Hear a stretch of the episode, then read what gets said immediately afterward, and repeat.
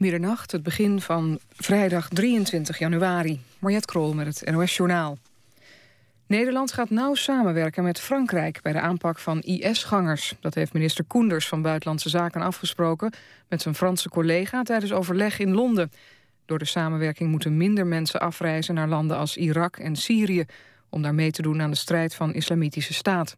Hoe de samenwerking er precies uit gaat zien is nog onduidelijk. De internationale coalitie tegen IS heeft inmiddels de helft van alle IS-commandanten uitgeschakeld. Dat heeft de Amerikaanse minister van Buitenlandse Zaken Kerry op het overleg in Londen gezegd. Het aantal gedode strijders van Islamitische Staat zal ver in de duizenden lopen. De Zuid-Afrikaanse politie heeft bij hevige rellen in Soweto 70 mensen opgepakt. Volgens lokale media is er ook een dode gevallen. De onrust ontstond drie dagen geleden toen een jongen werd doodgeschoten... volgens de bewoners door een Somalische winkelier. De jongen zou met anderen van plan zijn geweest om de winkelier te beroven. Sinds die tijd liggen in Soweto de middenstanders uit Somalië, Ethiopië en Pakistan zwaar onder vuur. De financiële markten hebben positief gereageerd op het besluit van de Europese Centrale Bank om voor honderden miljarden aan staatsleningen op te kopen. De AEX-index sloot ruim 1,5 procent hoger. Ook de andere belangrijke Europese en Amerikaanse indices sloten in de plus. Het besluit van de ECB had ook grote invloed op de euro. Al tijdens de persconferentie over het opkopen van staatsleningen ging de koers onderuit. De munt eindigde op het laagste punt in 11 jaar. In Amsterdam heeft de politie de afgelopen vier maanden 33 Kalashnikovs in beslag genomen. Dat is veel meer dan de afgelopen jaren, zegt politiecommissaris Albersberg. Volgens hem neemt de hoeveelheid zware wapens toe, terwijl de criminaliteit met vuurwapens juist afneemt. Albersberg pleit voor een strengere aanpak van de Europese wapenhandel. Het weer, vannacht ligt de vorst en plaatselijk een mistbank. De komende dag opnieuw bewolkt, soms wat zon en het wordt een graad of twee. Dit was het NOS Journaal. NPO Radio 1. VPRO. Nooit meer slapen.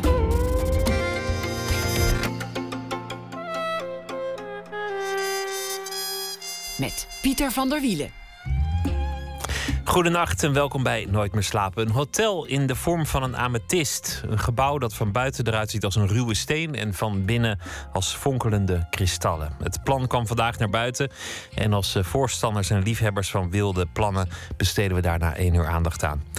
Brigitte Bardot, ze mag inmiddels 80 zijn, maar het gaat nog altijd over haar oogverblindende schoonheid in de jaren 60. Zoals zij eruit zag in de film Et Dieu créa la femme. Oh la la. Een fototentoonstelling toont het icoon in die mooie jaren, vastgelegd door Daan van Golden. Ook dat na één uur. Maar we beginnen met Nastrin Jar. Op het filmfestival in Rotterdam wordt de film tussen 10 en 12 vertoond. En de film Undercover, die komt zaterdag op tv. En uh, dus kortom, uh, een drukke periode. Hij is acteur. Hij werd geboren in 1978 in Steenberg in Brabant. Deed een opleiding bedrijfseconomie. En hij brak door met de film Rabat. En in 2011 won hij een gouden kalf voor zijn rol in die film. En ja, de overwinningsspeech maakte hem op slag wereldberoemd in heel Nederland. ik heb een uh, fucking gouden kalf in mijn hand. Ja. En daarin benadrukte hij uh, de noodzaak om te blijven dromen. Absoluut. En het was, ook, het was ook een beetje een droom die op de een of andere manier toch uitkwam op dat moment. Op de een of andere manier, ja, zeker. Het was, het was absoluut een droom die uitkwam. Het was dat jaar uh, waren alleen maar dromen die uitkwamen. Ik bedoel, het feit dat we alleen al die film maakten was, het was een droom die uitkwam. Het is iets wat, wat je niet voor ogen hebt, zeg maar. Maar het is ons toch gelukt. En daarnaast maakten we in eerste instantie eerder een film gewoon voor YouTube. Weet je, wij dachten van laten we het gewoon doen en we zien wel. En dat het dan zo uitpakt met uh, filmfest Nederlands Filmfestival, een Gouden Kalf nominatie, een, een Gouden Kalf winnen. Uh, internationale festivals en prijzen winnen. Nou, het is crazy. Ja. Het was een hele bijzondere productie, ook een bijzondere film.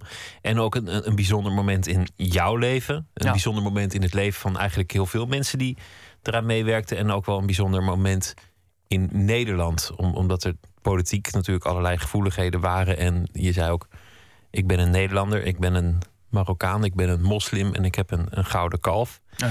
Laten, we, laten we beginnen um, met, met andere dingen. Omdat ja, er zijn inmiddels alweer nieuwe gouden kalfwinnaars uh, ja, geweest. Het is alweer drie dus, jaar geleden. Het is alweer drie jaar geleden. Maar um, Steenbergen, ja. waar je bent geboren en, en, getogen. Wat, wat is dat eigenlijk voor dorp, Steenberg? Vertel eens. eh. Nou, allereerst is het geen dorp. Dat is wel Oh jee, Steenbergen te is een stad. Steenbergen is een stad. het Gemeente ook- Steenbergen. Heeft ook echt officiële stadsrechten? Ja, volgens mij wel. Ja, ja. Ja. Gemeente Steenbergen is eigenlijk best wel groot. Er wonen veel mensen in gemeente Steenbergen. Maar ehm Steenbergen op zich, ja, het, is, het, het was.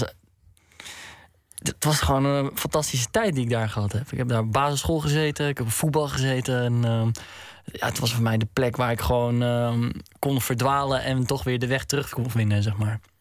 Waarbij ik, ehm, als ik wilde, even de, de stad uit kon fietsen en lekker het, het weiland in kon gaan en, en, en naar de koeien kon kijken. En, eh, met vrienden op avontuur gaan. eh, Een veilige jeugd was hele het. veilige jeugd, ja, ja. Waar ik gewoon op straat kon voetballen. Ja, iedereen kent elkaar natuurlijk. ehm, Je bent er ook Ja. lang blijven wonen.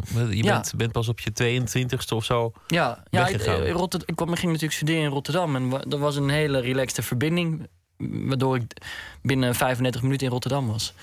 Toen zag ik niet, niet echt de noodzaak om eh, op kamers te gaan of zo. Ik had het wel relaxed bij mijn ouders. Vonden je ouders Ja. dat ook?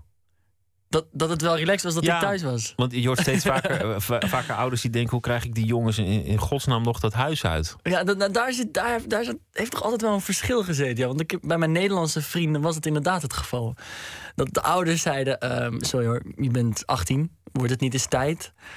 En dat is voor mij altijd nog zo raar. Ik, ik kan me dat gewoon niet voorstellen. En mijn ouders ook niet. Ik bedoel, dat, dat, volgens mij is dat ook iets eh, cultureels of zo, ik weet het niet.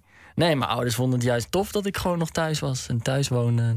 Je ouders werden ook op slag beroemd door die uitreiking. En, en het was, dat was eigenlijk ontzettend mooi. Je vader die meteen tranen in zijn ogen kreeg. En, en je moeder die het even later ook niet droog hield toen jij die prijs had. En, Ja. en het zag eruit als heel hecht. Als, als een heel warm gezin. Ja. Ja, dat is het zeker. Het is, eh, het is heel hecht. En, en het is ook. Ja, ik, ik, kan, ik kan mezelf niet anders. eh, hoe zeg je dat? ehm, ik, ik, ik ben gewoon een familieman, zeg maar. Ik, ik hou van mijn familie en ik hou ervan om, om met hen te zijn, om verhalen te delen met ze. En, ehm, en daar, daar, kan, daar geniet ik van, maar daar genieten mijn ouders ook van. Dus, dus ja. Ehm, en verder zijn ze gewoon super trots op wat ik doe en op wat we allemaal doen. En, en staan ze achter me. En ja, alles wat, wat, een, wat je van een ouder hoopt te verwachten, dat, eh, eh, dat, dat doen ze wel of zo. Je had ook bijna kunnen zeggen: Ik ben een Brabo. Zou dat ook evenveel je identiteit bepalen? Zou je jezelf als een Brabo omschrijven? Mm, Een Brabander Nou ja. voor, voor eh, ik denk mensen die wel. er aanstoot aan ehm, nemen? wat qua. Nou ja, of misschien is dat, eh, is dat, is dat Nederlands, nuchterheid of zo. Brabanders zijn wat dat betreft echt eh, hele. Vind ik nuchtere mensen als ik kijk naar mijn buurman. doe me normaal, dat doe je al gek genoeg. Nou, ja, eh, dat soort dingen. Ehm Brabanders zijn natuurlijk gezellig. Ik ben ook super gezellig. Ehm, nou, ja, nou ja, ik.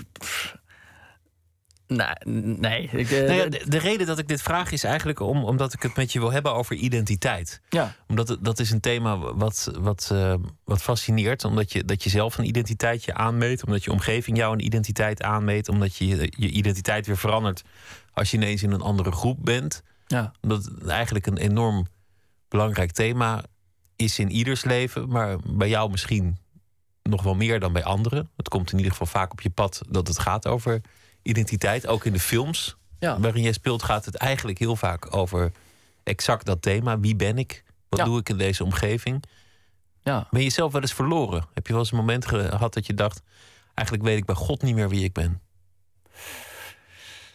Zo, dat is wel, eh, dat is wel even een intieme vraag die je me daar stelt. Er is even een periode geweest, ja.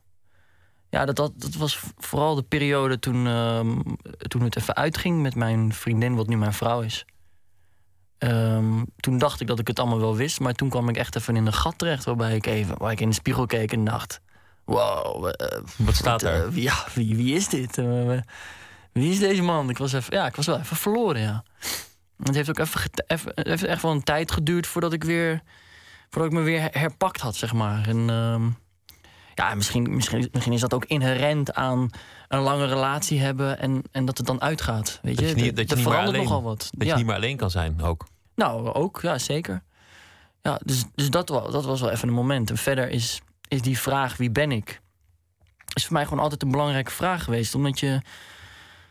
Ja, omdat het ook onderdeel is van, van de tijd waarin we leven. Zo. De, de, maatschappij, de beeldvorming, de manier waarop men naar je kijkt, de vooroordelen.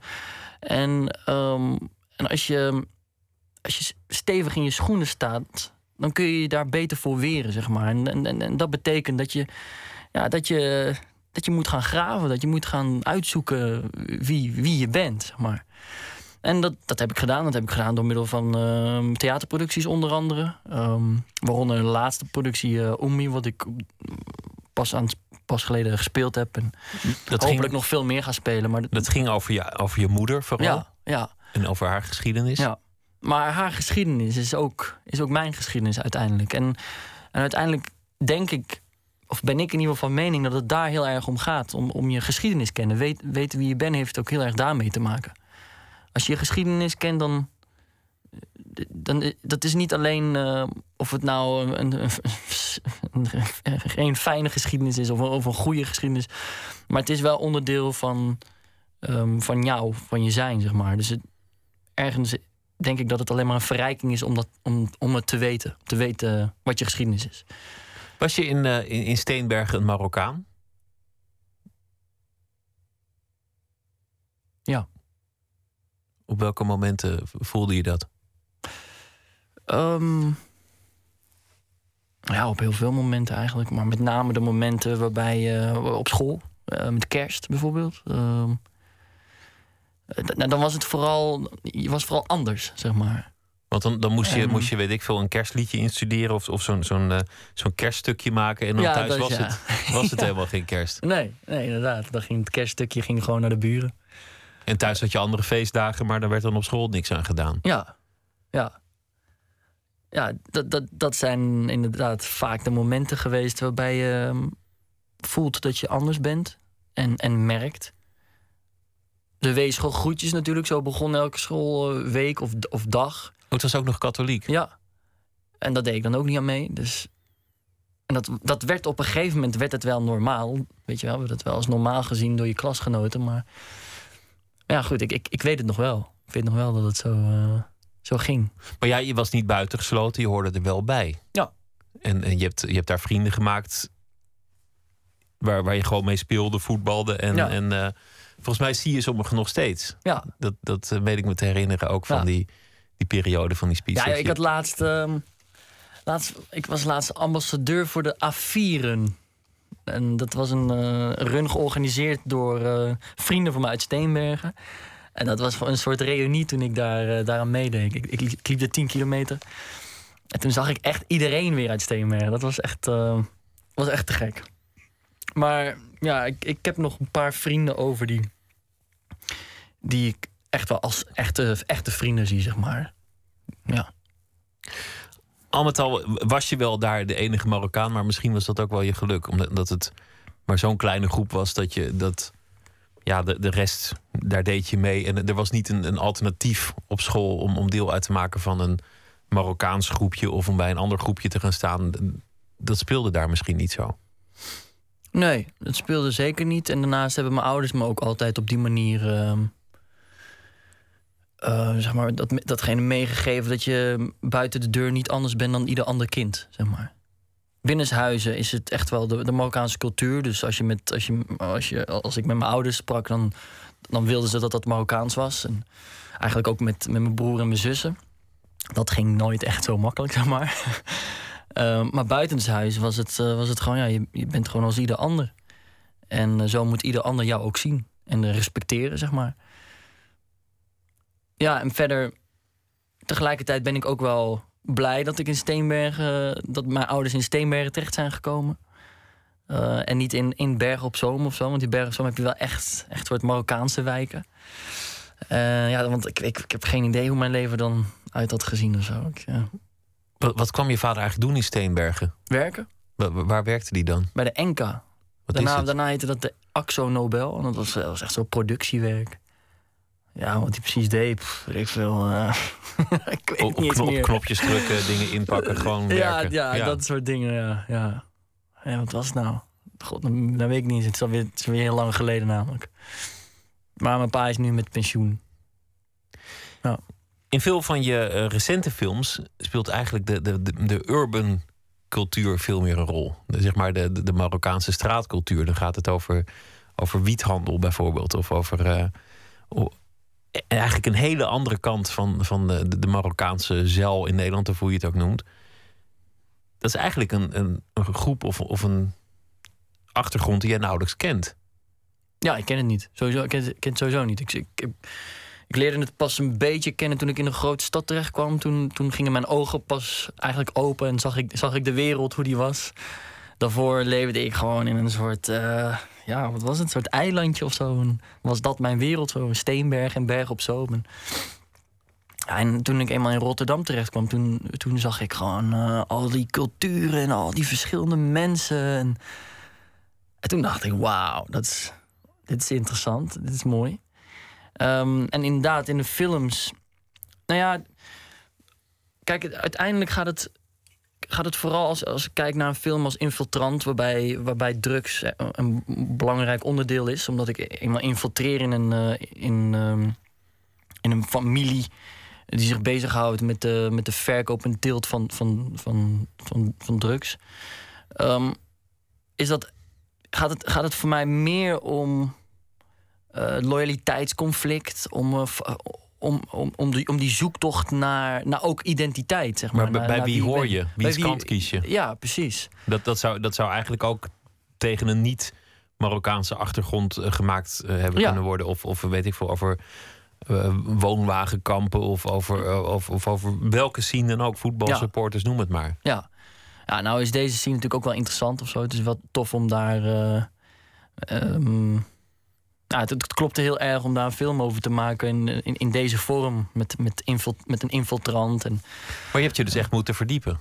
ja, dat was te gek. Ja, sowieso vind ik dat te gek. Voor elk karakter wat ik speel vind ik het tof om, om, om te gaan graven in dat karakter. Om te kijken wat, wat, wat, wat, wat is dat voor, voor persoon. En, en natuurlijk in dit geval ook qua werk. Ik bedoel, een infiltrant, als je een infiltrant speelt moet je wel weten waar een infiltrant voor staat. En, en dus ik heb met infiltranten gesproken en ik heb met agenten gesproken. Ik heb met ze meegelopen.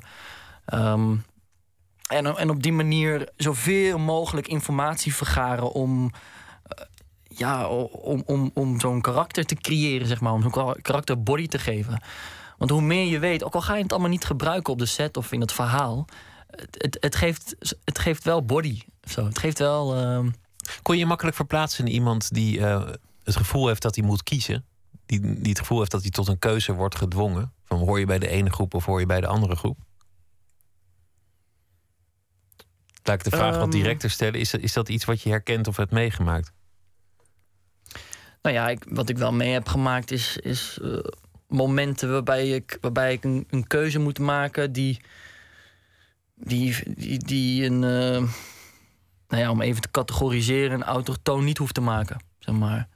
Ehm, eh, om een moment te noemen in, in Avenir, de geschiedenis van de familie Avenir, die voorstelling ehm, eh, die ik met, bij- met het toneel speelt deed van Maria Goos toen was daar een moment waarbij ik besloot: eh, sorry, maar dit, eh, dit kan ik niet spelen. En, ehm, ja, en, en dat, dat is. dan voel je loyaliteit. Dan voel je gewoon een loyaliteit naar, naar, je, naar de Marokkaanse gemeenschap. Je voelt een loyaliteit naar, naar, naar je je- vader, zeg maar. Jij moest een personage spelen die, die eh, de Marokkaan was en die dan uiteindelijk ook het slechte pad op ging. Die, Nou, het was, het, was nog, het, was, het, was, het was nog groter in mijn hoofd. Het was, ik speelde namelijk de, een, een, een eerste generatie eh, Marokkaanse man. Dus eh, nog de eerste gastarbeider.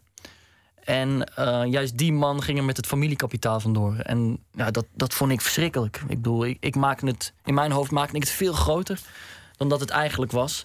Maar tegelijkertijd ben ik ook heel blij dat ik dat deed. Want daardoor is Ombi ontstaan, eh, die monoloog. Ehm, maar ik maakte het groter omdat ik gewoon. Ik heb zo'n groot respect. Ik heb echt zoveel respect voor die, die eerste generatie die hier naartoe is gekomen. Die hier heeft gebikkeld, die hun, ruggen kapot hebben gewerkt voor heel weinig geld.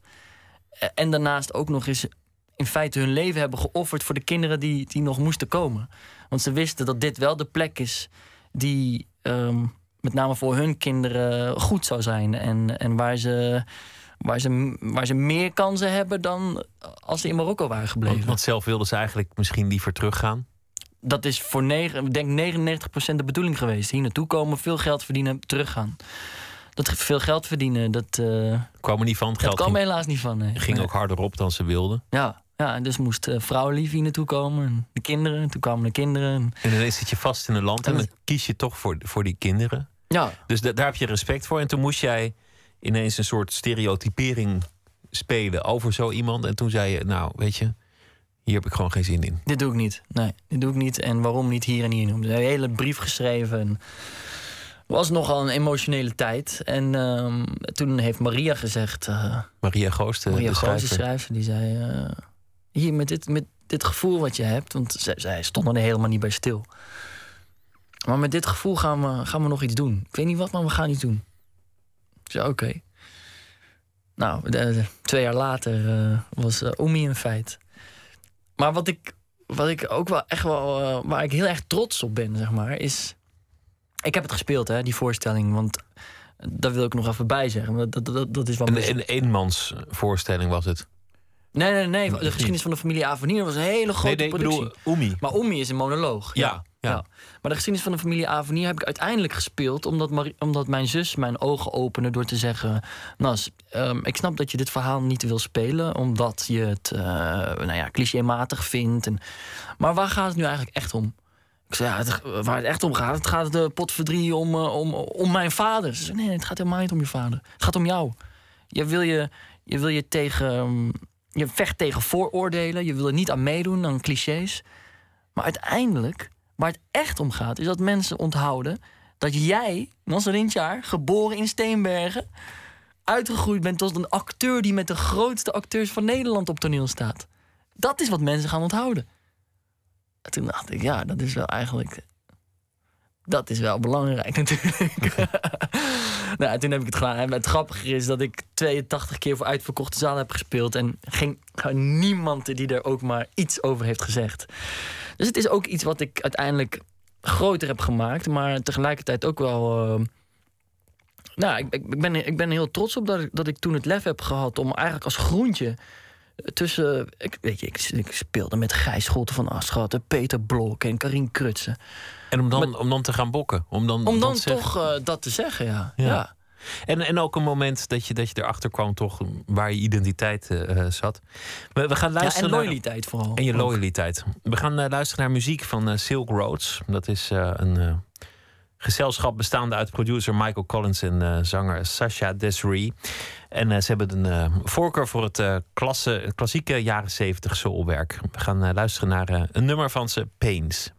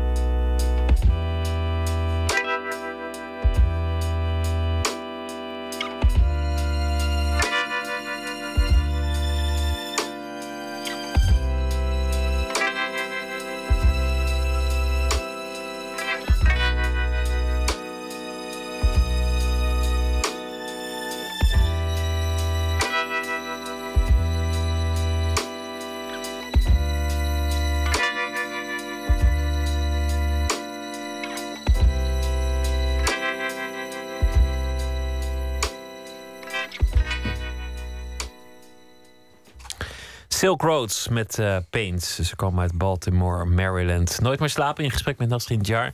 Eh, we hadden het eh, net over identiteit al. Ehm, op een zeker ogenblik ben je acteur geworden. Je hebt eigenlijk bedrijfseconomie gedaan. Ja. Je bent er min of meer toevallig in terechtgekomen, volgens mij, in dat vak. Hoe is dat Nou ja, gegaan? ik was goed met cijfers op de HAVO. Ik was afgewezen voor de toneelschool in Utrecht. Toen dacht ik, shit, nou ja, dan ga ik maar iets met cijfers doen. Maar eigenlijk, eigenlijk wilde je gewoon al acteur worden toen. ja, ja, ja, dat, is, dat heb ik altijd van kleins af aan al heb ik dat gewild. Ja. En hoe heb je die stap uiteindelijk kunnen zetten? Gewoon maar te doen, weet je, gewoon ehm, beginnen. ehm, een soort amateurclubjes, clubje. Dat was, dat was toen een theatergroep Rotjong. Stond voor Rotterdamse jongeren. En dat deed ik dan ehm, na collegetijd, dus in de avonduren. En vanuit daar werd ik gezien door een semi-professioneel clubje. Dat was eh Rotterdams Lef. En toen ik daarvoor werd aangenomen, toen moest ik, ging ik echt fulltime spelen. En heb ik mijn eh, studie deeltijd afgemaakt. En eigenlijk na anderhalf jaar werd ik weer gezien door een professioneel jeugdgezelschap, het Waterhuis toen de tijd. En ehm, toen zat ik in het professionele circuit. En eigenlijk, ja, binnen. Dus eigenlijk binnen, binnen 2,5 jaar was ik professioneel acteur. En, eh, Je hebt toneel gedaan, je hebt films gedaan, je hebt series gedaan, je hebt de, de, de grote klassieken gedaan. Je hebt, Ja. je hebt ook eh, ehm, ja, heel aparte projecten gedaan als, eh, als Rabat. Eigenlijk een heel andere, een soort, soort roadmovie, een hele andere sfeer. Ja. In je recente films ben je best vaak de politieagent. ik weet niet hoe dat komt, Ik maar heb ook geen idee. Ik zat van de week ehm, had ik een interview ook. En toen, toen begon ze daarover. En toen ging ik zo. Ging ik even mijn cv na. En toen dacht ik, potverdrie. Ik ben echt. eh, nou ja. Nou ja, tussen 10 en 12. eh, infiltrant. Undercover staat er op televisie. Ehm, links, de film. Deadline. Sjoef, sjoef. ik noem er al zes op. Allemaal agenten. terwijl je ook best een Nou, leuke boef zou zijn. Ja, kom maar door met die rol. Ja. ja dus ik zou heel graag een boef willen spelen. Maar wel een boef met een verhaal. En niet zomaar een boef. Ja. Je moet wel... eh, ik hou wel van dat... Ik hou wel van dat er een verhaal achter zit. Geen, eh, ik hoef geen cliché-rollen. Tussen 10 en 12 is een, een eh, beladen dag. Het is een, een slecht nieuwsgesprek dat eigenlijk een beetje langer duurt dan, eh, dan voor de politie strikt leuk zou zijn. Ja. Ze moeten eigenlijk eh, één voor één alle familieleden het slechte nieuws gaan, eh, gaan brengen. Ehm, het is een, een, een vrij beladen sfeer. Dat is niet zomaar een politieagent. Ik bedoel, de, die, die krijgt nogal wat te doen en voor de kiezen. En eigenlijk met weinig woorden. Want je, want je, je gaat niet een heel verhaal houden als je iemand Nee. slecht nieuws. Het is gewoon de mededeling en dan de reactie afwachten. Ja. In, in de infiltrant, daar mag je ook eh, mensen tegen de muren aan smijten. En dan heb je ook echt iemand met een, met een innerlijke worsteling. Dus Ja. in die zin zijn het wel, ik bedoel, je bent wel de politieagent, maar Ja, gelukkig maar. Gelukkig dat er is nog wel wat eh, te doen. eh, dat, dat elke productie die ik gedaan heb, in de, ook in de rol van politieagent, dat het allemaal wel verschillende karakters waren. En uiteindelijk ligt daar natuurlijk de uitdaging om van elke, elke rol ook weer iets, iets anders te maken. En, en, en het zijn allemaal andere, ander soort verhalen die, die mij ook intrigeren of zo. Net als zo'n film als eh, Tussen 10 en 12. Ja, was het, was het vooral het, eh, het gesprek die ik had. Nou ik las het script, vond ik echt ik vond het een mooi script. Daarna had ik een gesprek met de regisseur die graag met me wilde werken. Dus dat is ook fijn dat de regisseur gewoon direct op je afstapt. En dat was een, hele, een heel persoonlijk en mooi gesprek. Het is natuurlijk ook autobiografisch.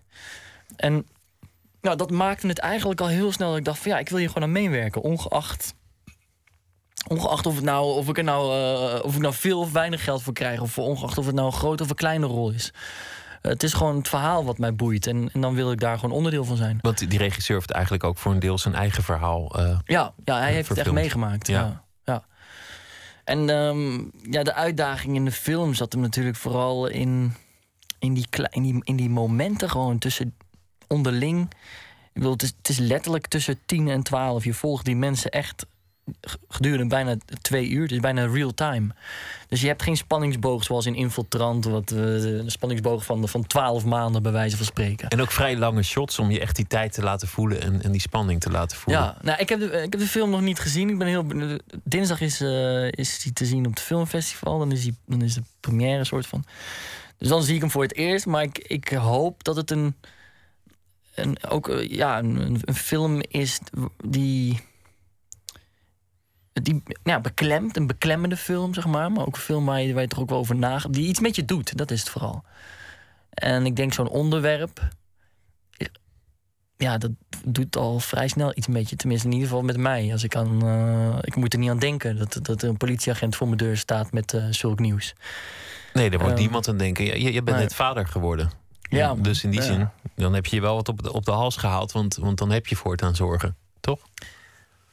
Nou ja, dat. Of je hebt in ieder geval iets waar je zorgen over zou kunnen hebben. Ja. Ja. Nou, ik moet er gewoon niet aan denken, zeg maar. Het Zorgen is niet echt een fijn iets om te hebben of zo. En ehm, ik, moet, wil er, ik wil er ook niet zo naar kijken, naar, naar mijn dochter, zeg maar. Het is vooral, ehm, op dit moment is het vooral genieten. dat is het echt. Maar jij, jij, jij bent wel iemand die en af ze en doet het supergoed, dus we, we hoeven ons gelukkig geen zorgen te maken. Maar ben jij zorgelijk? Ik ben wel een zorgelijk type, ja. Ja. ja hoe, hoe ver zeker. gaat dat? Zo, eh. Nou, hoe, hoe bedoel je? Hoe ver gaat nou ja, het? is, het- is, het- is het tobben of, of zijn het echt angsten? Of is het, is het wakker liggen? Is het... eh, Ja, het ligt een beetje aan, eh, aan de situatie. Ik heb eh tobben, momenteel, vooral tobben. Tobben en wakker liggen trouwens. Ja, ik kan wel, ik kan eh, zo'n zo'n Charlie eh Hebdo gebeuren, dat, daar, daar heb ik wel van wakker gelegen. Daar kan ik me echt gewoon zorgen om maken. En dan gaat het om, ehm, behalve dat het dan gaat om de zorg om Nederland of zo, en om, om de wereld, kan ik ook dan heel erg, kan ik me ook echt zorgen maken over de toekomst van mijn kind. En niet eens mijn eigen toekomst, maar eerder gewoon de toekomst van, van mijn dochter. Over in welke wereld zo'n kind opgroeit, bedoel Ja. je? Ja, Ja. maar ja, als je, als je de geschiedenis kent, dan is, is in die zin elke tijd natuurlijk vreselijk. Want, want er is in elke tijd wel iets om je zorgen over te maken. En in elke tijd is er onheil dat dreigt. En, en zijn er afschuwelijke ideologieën die de macht willen grijpen. Ja. nooit anders geweest. Ja, maar het is, ehm, het is, nu, wel, het is nu toch wel iets anders als, als ik kijk naar mijn jeugd. We leven echt wel in andere tijden. Snap jij het? Ehm, als we het hebben over mensen die, die, eh, die zich buitengesloten voelen. Want, want jij bent ook moslim. Of je, noemt jezelf moslim. Begrijp, begrijp jij ehm, wat, die, wat die mensen gedreven heeft? Wat er aan de hand is? Hoe zo'n ideologie ineens om zich heen kan grijpen? Ehm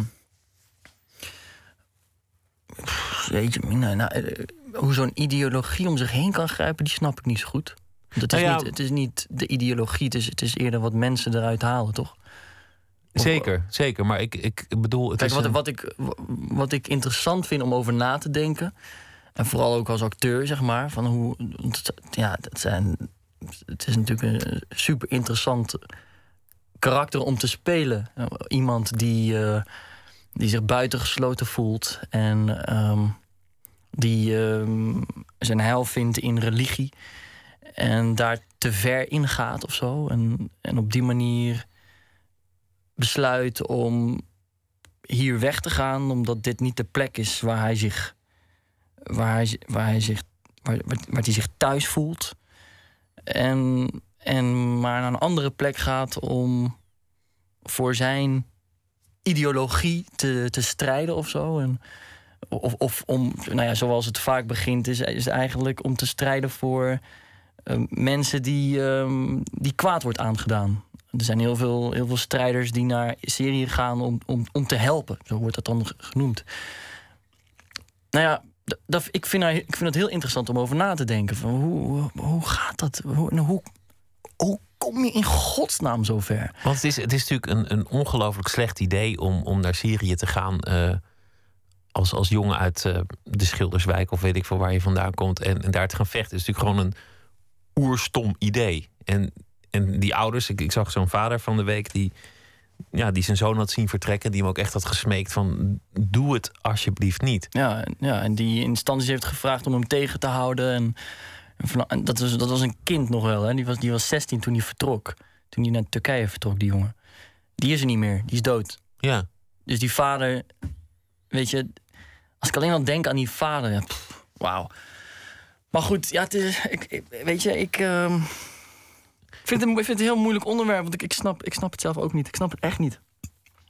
Ik snap wel, ik snap e- echt wel dat er, dat er, dat er denk ik, dat er veel, eh, veel jonge mensen op dit moment zijn die, eh, die zich buitengesloten voelen, die, die, die, die, die, die, zich niet gehoord voelen. Ehm, eh, misschien eh, ook niet, geen goede relatie met, met de ouders, ehm, school niet goed, weet je, op straat, weet ik veel. Nou ja, dat, volgens mij zijn dat, zijn dat, de, jong, zijn dat de, mensen die het meest gevoelig zijn, denk ik. En je, weet je, je moet ook niet vergeten, hè, we hebben het nu wel over dit onderwerp. We en we hebben het over het nu. Maar er zit ook een geschiedenis aan vast. Hè? Als, stel, stel dat we nu alleen maar nagaan. Stel dat we moord op Theo van Gogh als punt nemen. Ja? Dat was een verschrikkelijk moment. Verschrikkelijk. Als ik eraan denk, dan. Nou ja. Ik, ik weet ook nog precies waar ik was en, en wat ik toen deed. Maar als we dat moment eens nemen. En, ehm, en ik, ik bedoel, ik was. Dat is nu tien jaar geleden. ja 2 Elf. november 2004. Ja. ja. Ik was eh 25. Stel je bent acht. Acht jaar. Dus een jongen van acht jaar. En die moord is gepleegd. En wat er dan in de afgelopen tien jaar... als je een krant open doet... wat je dan allemaal leest over wie jij bent. Over, nou, jong, ik heb het dan over... je bent een jongen van, met een Marokkaans achtergrond... en ook nog eens islamitisch. Dat is nogal wat, hoor. je moet best een dikke huid hebben, zeg maar... om, Je krijgt best veel over je heen, bedoel je? Ja. eh, je krijgt heel veel over je heen. En die jongen van acht is dan nu 18. En als hij zich niet heeft kunnen weren daaraan, als, hij ook nog eens, eh, als het ook nog eens slecht op school ging, als hij zich niet gehoord heeft, voelde, als hij geen goede band heeft met zijn ouders, als hij, nou ja, noem maar op. Nou, dan kun je zo'n rekensommetje maken. Dat zijn, dat zijn volgens mij de jongeren die het makkelijkst geronseld kunnen worden.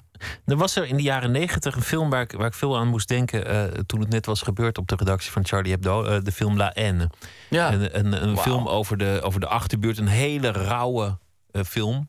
classic. Gewoon een En- classic. Ja, maar het is een film die, die ook echt in het hoofd laat kruipen van jongens die, die, nou ja, die totaal buiten de samenleving staan, geen perspectief hebben en die, die gewoon eigenlijk ook niet goed weten wat ze doen. Die bijna psychotisch worden.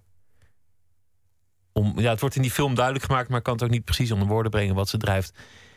Dat is hetzelfde gebleven, alleen wat erbij is gekomen is de islam.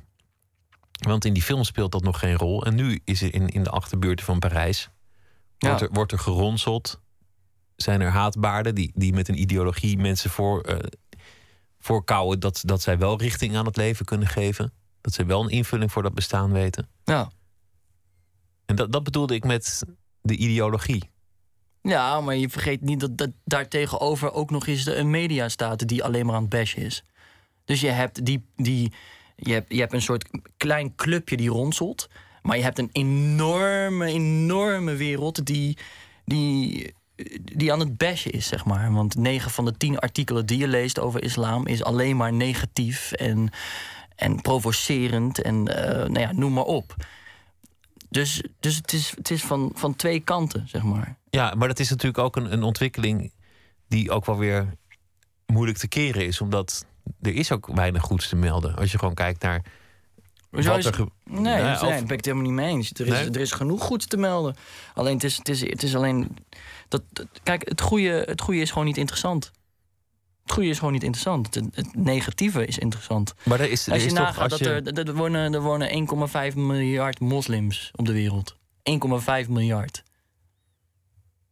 Als die allemaal slecht waren geweest, nee, maar, dan oh, hadden we geen goede wereld gehad. nee, maar ho, dat, is niet, dat is niet wat ik zeg. Maar, maar wat ik wel zeg is dat het erg in het oog springt. Gewoon, gewoon voor journalisten die hun werk doen. Dat, het, nou ja, dat er een, een heleboel problemen zijn en een heleboel narigheid gebeurt uit naam van de islam.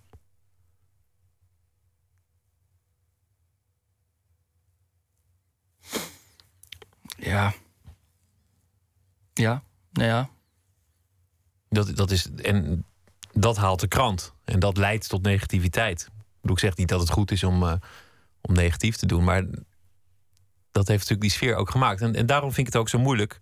Ja, maar het is, ja, nou, nou, het, het is ook. ehm, kijk, als, je, als, je, als, we het, als we het gaan hebben over Charlie, dan heb je inderdaad een aantal gekken die in de naam van God dat gedaan hebben.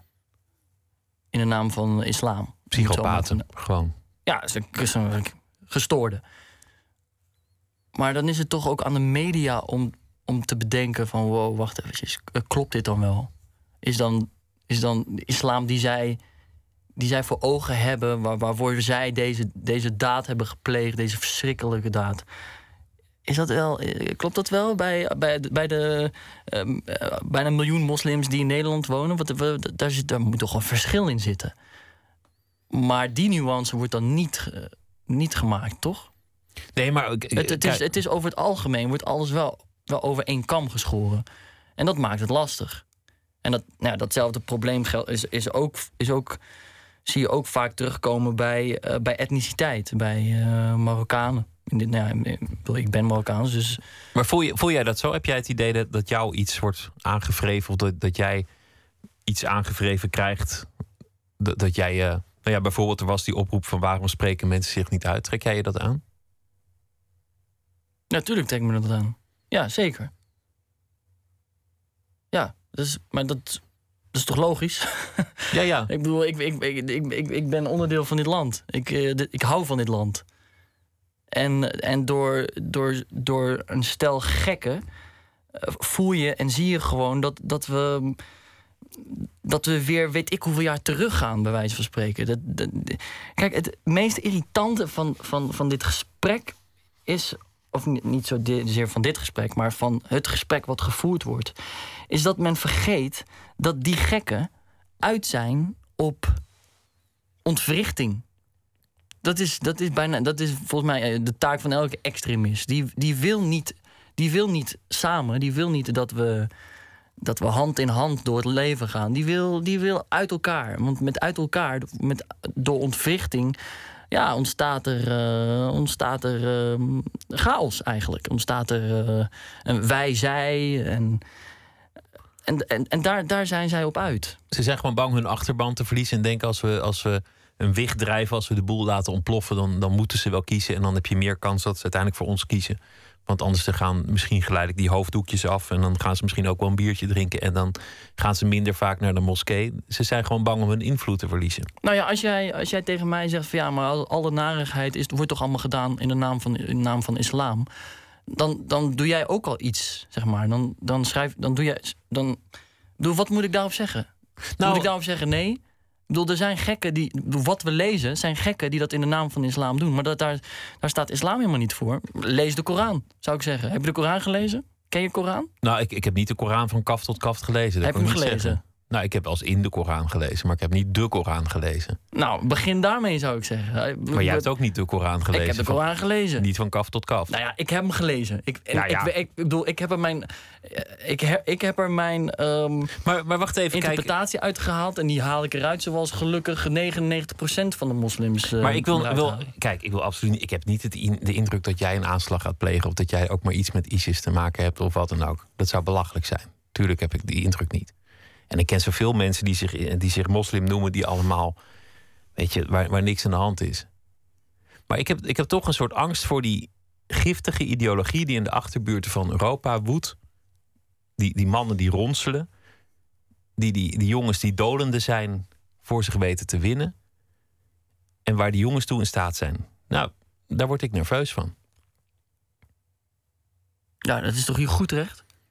Ja. Word ik ook. Dat, dat, is ieder mens die daar nerveus van wordt, omdat het gewoon. Dus, het is gewoon ziek. Dat is heel eng. En ik, ik heb, word ook... En, die, moeten, en ja. die, moeten, die moeten aangepakt worden. En zoals ze daar aangepakt moeten worden, moeten we die, moeten we die hier ook aanpakken. Maar nogmaals, we hebben het over een groepje. In Nederland is het een groepje van 35 man die op dit moment in de gaten wordt gehouden. Dan hebben we het over de, de Syriëgangers die terugkomen uit, uit Syrië, zeg maar. En die moet je zeker in de gaten houden. En je moet, je moet weten. En, en, en daarnaast moet je potverdrie weten waarom ze daarheen zijn gegaan. Je moet met ze, met ze gaan praten en uit gaan zoeken van waar, waar zit het probleem. En, en daarnaast moet je, je moet nu, nu op dit moment, moet er zo geïnvesteerd worden in jongeren, in, in de kids, die alle narigheid horen. En, en die, die dat maar over zich heen moeten krijgen. Die dat maar over zich heen krijgen. En, eh, en ook maar hun weg moeten zien te vinden daarin of zo. En, en die moeten, ja, dan, daar moet nu echt. Dat is, dat is de toekomst, hè? We hebben het over de toekomst. Maar ja, aan de andere kant, er zijn zoveel terroristische bewegingen geweest en het waait ook op een gegeven moment over. De Rote Armee-fractie, noem maar op. Op een gegeven moment zitten de kopstukken vast. Is de ideologie, daar is de glans vanaf. Het blijkt niet te werken. Ik bedoel, eh, Bretagne heeft ook een afscheidingsbeweging gehad, daar hoor je nooit meer wat van. Dus, Dus, wat eh, bedoel je? nou ja, wat wil je zeggen? Terroristische bewegingen komen en gaan en het waait ook wel weer over, uiteindelijk. Nu zitten we er middenin en, en denken, oh, hier komt nooit een einde aan. Oftewel, eigenlijk moeten we het negeren. Ja, voor een groot deel moet je het, ik bedoel, je moet, je moet het aanpakken. Dus je moet mensen oppakken. Ja. Je moet de voedingsbodem misschien een beetje Maar geef ze wegnemen. niet de aandacht. Nou, je moet doorgaan met je leven. Dat is denk ik wat je moet doen met terreur. Ja, dat moet sowieso. Ja, maar ook doorgaan met het leven in de samenleving zoals je dat daarvoor deed. Ja, maar dat, dat, is, dat, is nu, dat is nu het lastige van de samenleving waarin we nu leven. Wat was, wat was daarvoor en wat, was, wat is er nu? Het is al zo lang verziekt, bedoel je? Er is al zo, er is al zo lang wat aan de hand, ja. Ja. En, en, en ik zou. eh, ja, ik, weet niet hoe, ik weet niet hoe de samenleving was toen ik, eh, toen ik fucking acht was of tien. Want toen was ik alleen maar aan het voetballen. En dat was een, een, een super tijd die ik had. En ik, ik merkte vrij weinig van, eh, weet ik veel, haat en van eh, wij, zij en weet je wel, ontbinding in de maatschappij.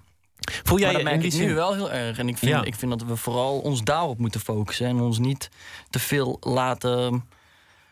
Dat we, dat we gewoon niet te veel afdwalen naar die... eh, dat, dat verschrikkelijke groepje die, die het dus ook voor een hele grote groep verpest. Ja, ik wilde eigenlijk helemaal geen Marokkanengesprek met je voeren... of, of jou als, op een of manier als, als lid van een zeil tegenover mij hebben.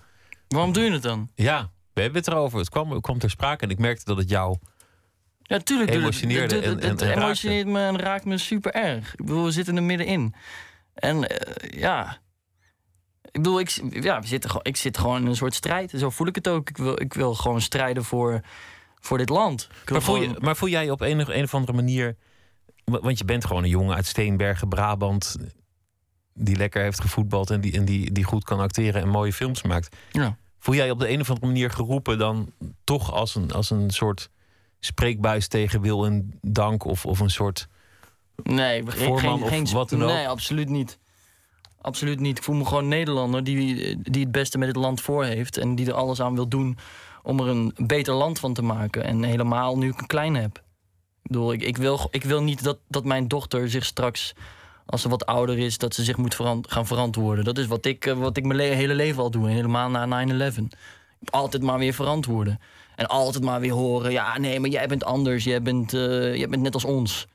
Wat de fuck bedoel je daarmee, weet je wel? En, en ik, ik heb helemaal... Ik, dat wil ik niet. Dus ik... is misschien een soort utopie. maar Nou ja. ik wil er wel alles aan doen, omdat... Om mezelf in ieder geval niet te verwijten dat ik er niks aan gedaan heb. En eh, ja, nou, dat zijn dan dit, dit soort gesprekken voeren blijkbaar, helaas.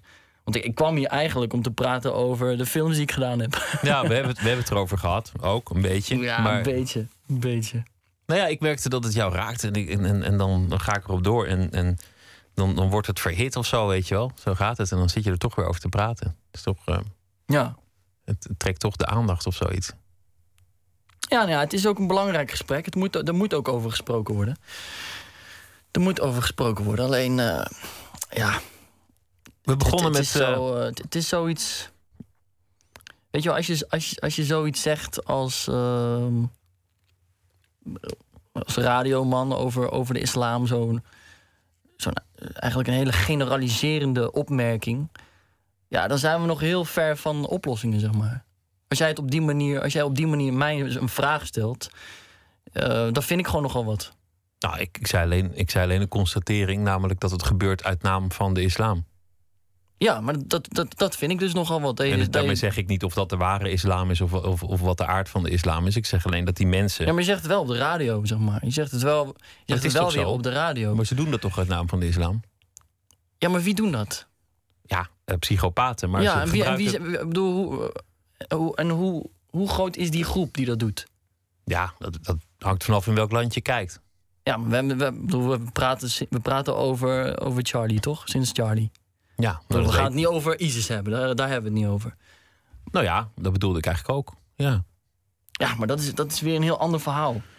Nou ja, wat Kijk, dan, eh, g- weet je- zullen, we, zullen we erover ophouden? Ja, la- ja, laten we dat doen. Laten we La- vooral we over films praten en over, eh, over wat ik het liefste doe, en dat is acteren. Juist. Nou, dan is eh, aanstaande zaterdag de film Undercover op tv. En dinsdag op het filmfestival wordt ook nog een, de, de film tussen 10 en 12 eh, vertoond. En die Ja. zal daarna ook nog op andere plekken te zien zijn. En eh, binnenkort ga je ook met het Rood Theater eh, aan de slag. Ja, voorstelling Code 010. Ik weet er eigenlijk vrij weinig nog van. We gaan maandag voor het eerst het script lezen. En daar ben ik heel erg benieuwd naar. Het is, ehm, eh, het is een beetje geïnspireerd op The Wire.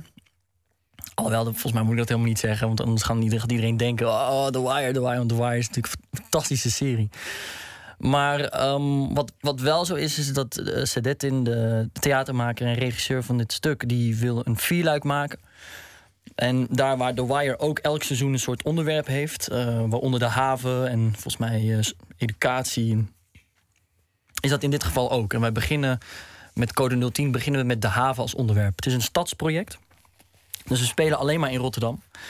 En ehm, ja, ik kijk er heel erg naar uit. We beginnen februari met repeteren in begin april volgens mij uitkomen. En dan spelen we anderhalve maand in het Rood Theater. Ik wens je heel veel plezier en dank dat je te gast wilde zijn. Thanks man. We gaan luisteren naar eh, Jill Scott Heron met het nummer I'll Take Care of You.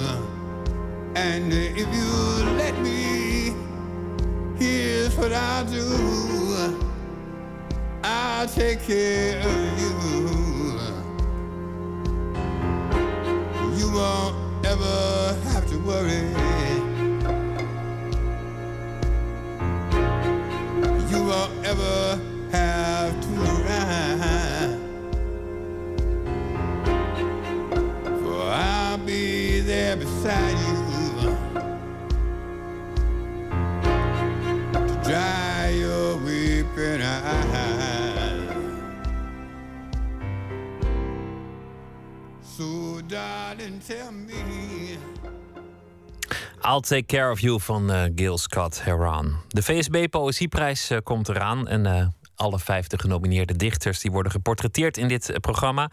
Alfred Schaffer is er een van. Hij woont in Zuid-Afrika. Hij stapt elke dag in de boemeltrein van Kaapstad naar Stellenbosch. En dat is een ander soort trein dan we hier gewend zijn.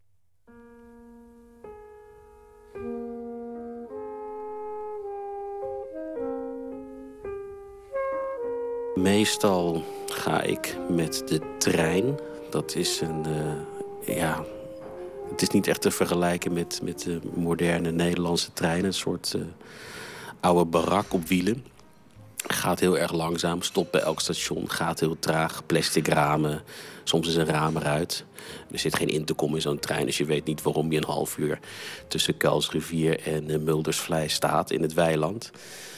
En dan loop ik van Stellenbosch, klein, heel klein stationnetje, naar uh, de universiteit. Ja, ik geef natuurlijk Nederlandse letterkunde, taalletterkunde.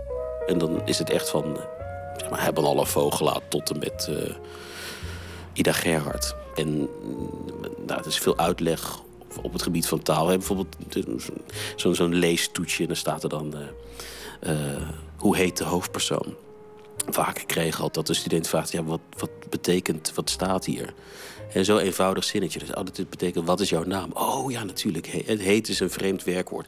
En je ziet ook dat studenten het hartstikke leuk vinden. Dat het gekke, ja, die gekke taal, een beetje ouderwets klinkt het natuurlijk. Maar ze begrijpen het ook weer wel als je niet te snel spreekt.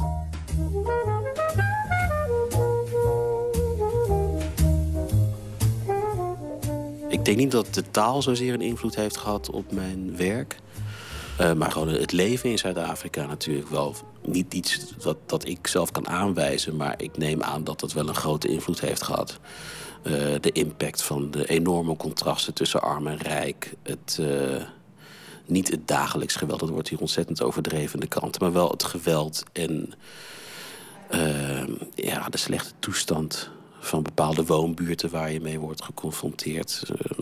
ja, dat, dat dagelijkse leven daar, dat zo honderd malen urgenter is dan hier.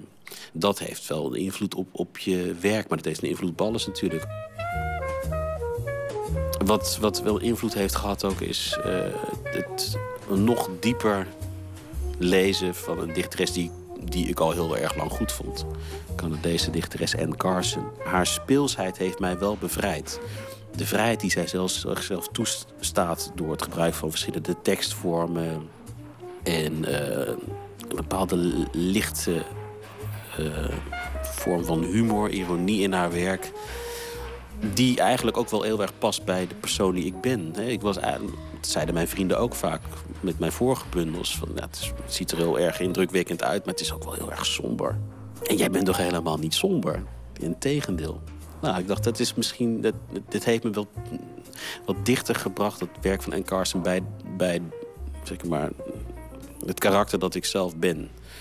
Dus uh, veel eclectischer en wat lichter. En, nou ja. en daaruit is dit voortgekomen. Shaka's korte flirt met romantiek.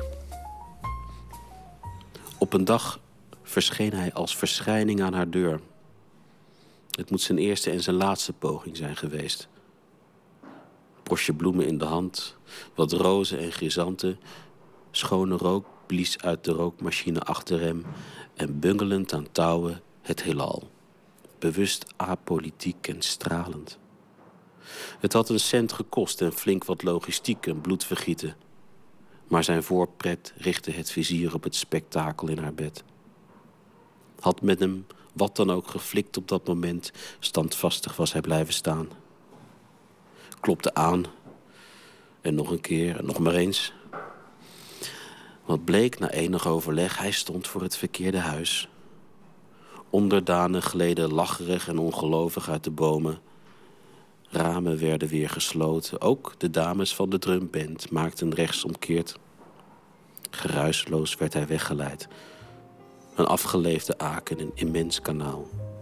En men vergat die hele zaak, opdat dit nooit en nooit weer zou gebeuren.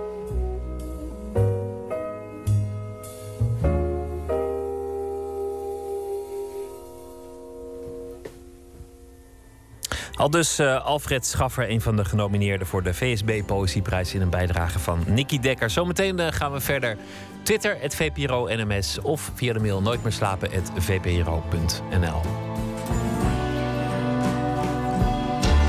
Op Radio 1, het nieuws van alle kanten.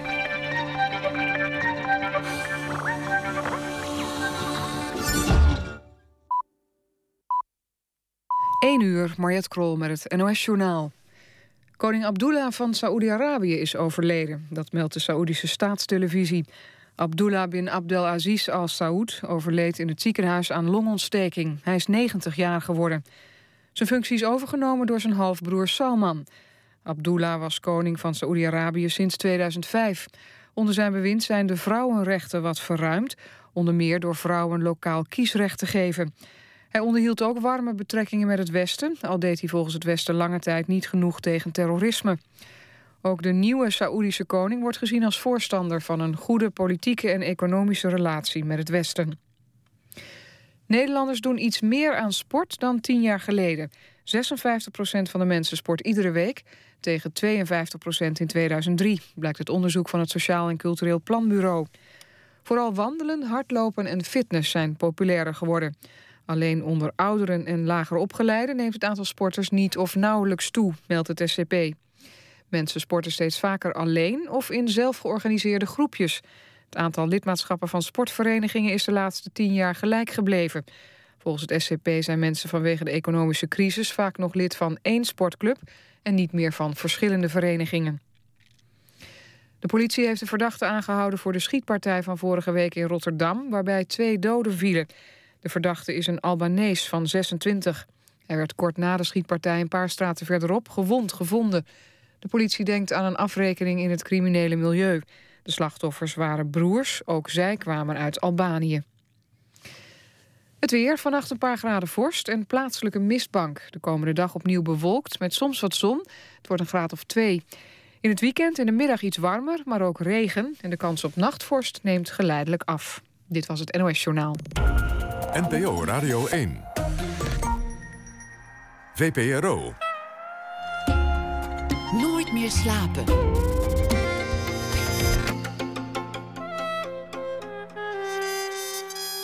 Met Pieter van der Wielen. Philip Huff, hij is eh, schrijver en deze week zal hij elke dag een eh, verhaal voor ons schrijven en voordragen. Schreef al verschillende romans, Dagen van Gras, Niemand in de Stad en afgelopen jaar Boek van de Doden. Goeienacht, Philip. Goeiedag. De afgelopen dag, vertel eens. Hoe heb je die eh, meegema- meegemaakt? Nou, vrolijk. Het nieuws van de dag was natuurlijk dat Maartje Wortel de BNG Literatuurprijs won voor haar prachtige roman IJstijd. Ehm, en ik was zo eh, gelukkig om daarbij te mogen zijn. 15.000 euro, een deeltje. En de kans om een verder verschrikkelijke ceremonie nog een beetje eh, draaglijk te maken door middel van een eh, lichtend dankwoord. Het is ook een, een- boek dat, dat me is bijgebleven, moet ik zeggen. IJstijd. Dus eh, het, is eh, het is haar gegund. Jouw eh, plan was deze week om, om elke dag een boek aan te prijzen. Want je wil het lezen promoten. Je dacht, nou, ik krijg hier een podium, dan ga, zal ik dat voor dat doel aangrijpen. Dat wilde je waar mogelijk nog koppelen aan het, het grote wereldnieuws. Heb je vandaag iets gevonden dat, dat aansloot bij een, een boek dat je wilde aanprijzen? Nou ja, kijk, het was vandaag weer 33 Kalashnikovs in beslag genomen, eh, IS-leiders vermoord. Maar omdat we gisteren en eergisteren ook al het geweld eh, centraal hadden gesteld. Ehm Maartjes boek gaat erover hoe het is om een jonge man te zijn in een eh, stedelijke omgeving. En volgens mij ook over hoe weinig dingen eigenlijk ergens over gaan. Als, als dat nog de volging. Maar ehm, vanavond eh, dacht ik een boek over hoe het is om een jonge vrouw te zijn in een stedelijke omgeving. En waar het leven dan over gaat. Ga je gang. The Bell Jar, Sylvia Plath's roman uit 1963, is een briljante evocatie van de beklemmende atmosfeer van de jaren 50 en het zielsvernietigende effect dat deze sfeer kan hebben op ambitieuze, intelligente jonge vrouwen. Inderdaad is de positie van een jonge, ambitieuze vrouw in een maatschappij vol patriarchale structuren het onderwerp van de roman. Of beter gezegd, het is één van de onderwerpen. Want die maatschappij is het decor, de achtergrond waartegen de mentale instorting van de 19-jarige hoofdpersoon Esther Greenwood zich voltrekt. De grenzen van het eiland Manhattan vormen bijna letterlijk de grenzen van Esther's bestaan. De hoge wolkenkrabbers, dicht op elkaar gebouwd, met kleine werkkamers en nog kleinere hotelkamers waarin zij bekneld raakt, terwijl haar panzer van wereldwijsheid en cynisme, zoals ze het zelf noemt, snel afbrokkelt. Hoewel het meisje al veel gruwelijkheden heeft doorstaan... een jong gestorven vader, een ongewenst vriendje met TB, armoede... wordt zij toch overweldigd door de onverschilligheid van de werkelijkheid... verbeeld door de grote stad. En Esther is bang in deze onverschilligheid neer te storten en om te komen. De kracht van de roman is dat Sylvia Plath de belevingswereld van een jonge, intelligente en fijngevoelige vrouw in een grote stad met volledige vanzelfsprekendheid beschrijft. Het vanzelfsprekende wordt zo weer onvanzelfsprekend doordat het geconstrueerd wordt gebracht. In tegenstelling tot het leven waarbij gewoonten, gebruiken, ja, zelfs momenten ons nog wel een onaandachtig kunnen overkomen of overnemen, is het boek een constructie. Alles staat er met een reden. Het gaat bij Plath om bewustwording van die vanzelfsprekendheid en de vragen die we daarbij kunnen stellen. Het boek toont ons dus hoe het soms is vrouw te zijn. Voor de meeste mannen een openbaring.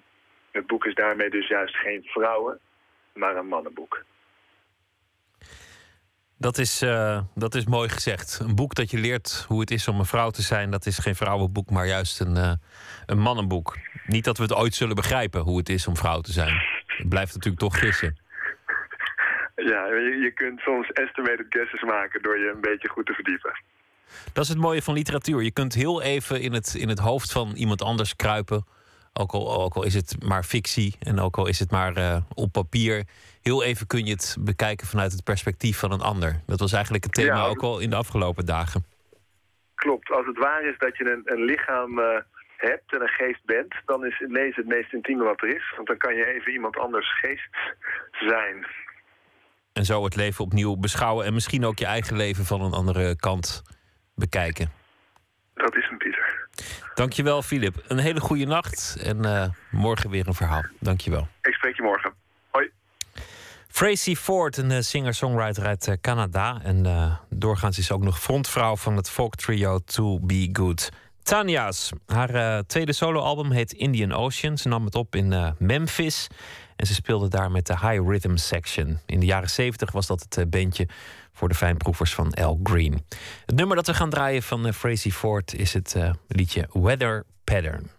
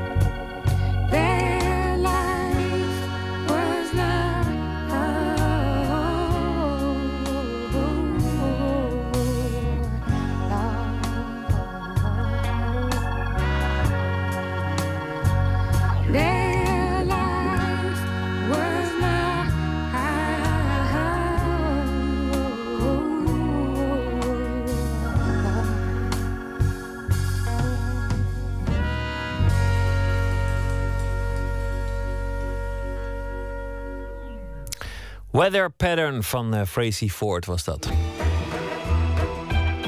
Nooit meer slapen. Brigitte Bardot, ze mag inmiddels 80 zijn. Volgens velen heeft er nooit een mooiere vrouw op aarde rondgelopen dan Brigitte Bardot. En dan hebben ze het vooral over de actrice, zoals je haar uh, zou kunnen hebben gezien in de films Et Dieu créa la femme of uh, Le Mépris. Eeuwig jong zou ze moeten blijven. Een poging daartoe uh, vindt plaats in Galerie Andriese Eik in Amsterdam. Want daar hangt tot 7 februari werk van Daan van Golden over Brigitte Bardot. En uh, de ouderdom die zou je er niet uh, vinden. Alleen de beeltenis van Bardot in die gloriejaren. De jaren 50 en 60. Icoon van een nieuwe, wilde, opstandige tijd. Verslaggever Matthijs Deen haastte zich er naartoe.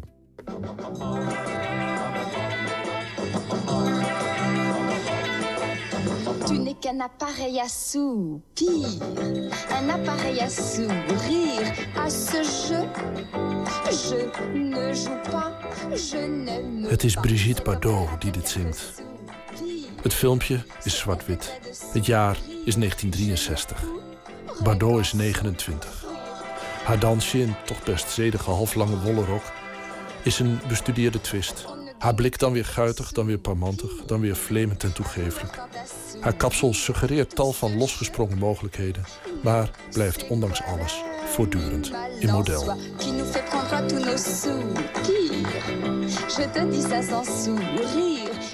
Van de zonovergoten middagen van de Mediterranee tot de eindeloze duisternis van boven de Poolcirkel. Overal wordt haar beeltenis uitgeknipt en bewaard.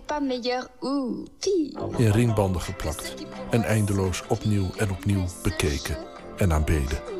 Zij zelf ondertussen wordt ouder. Haar beeltenis blijft eeuwig jong.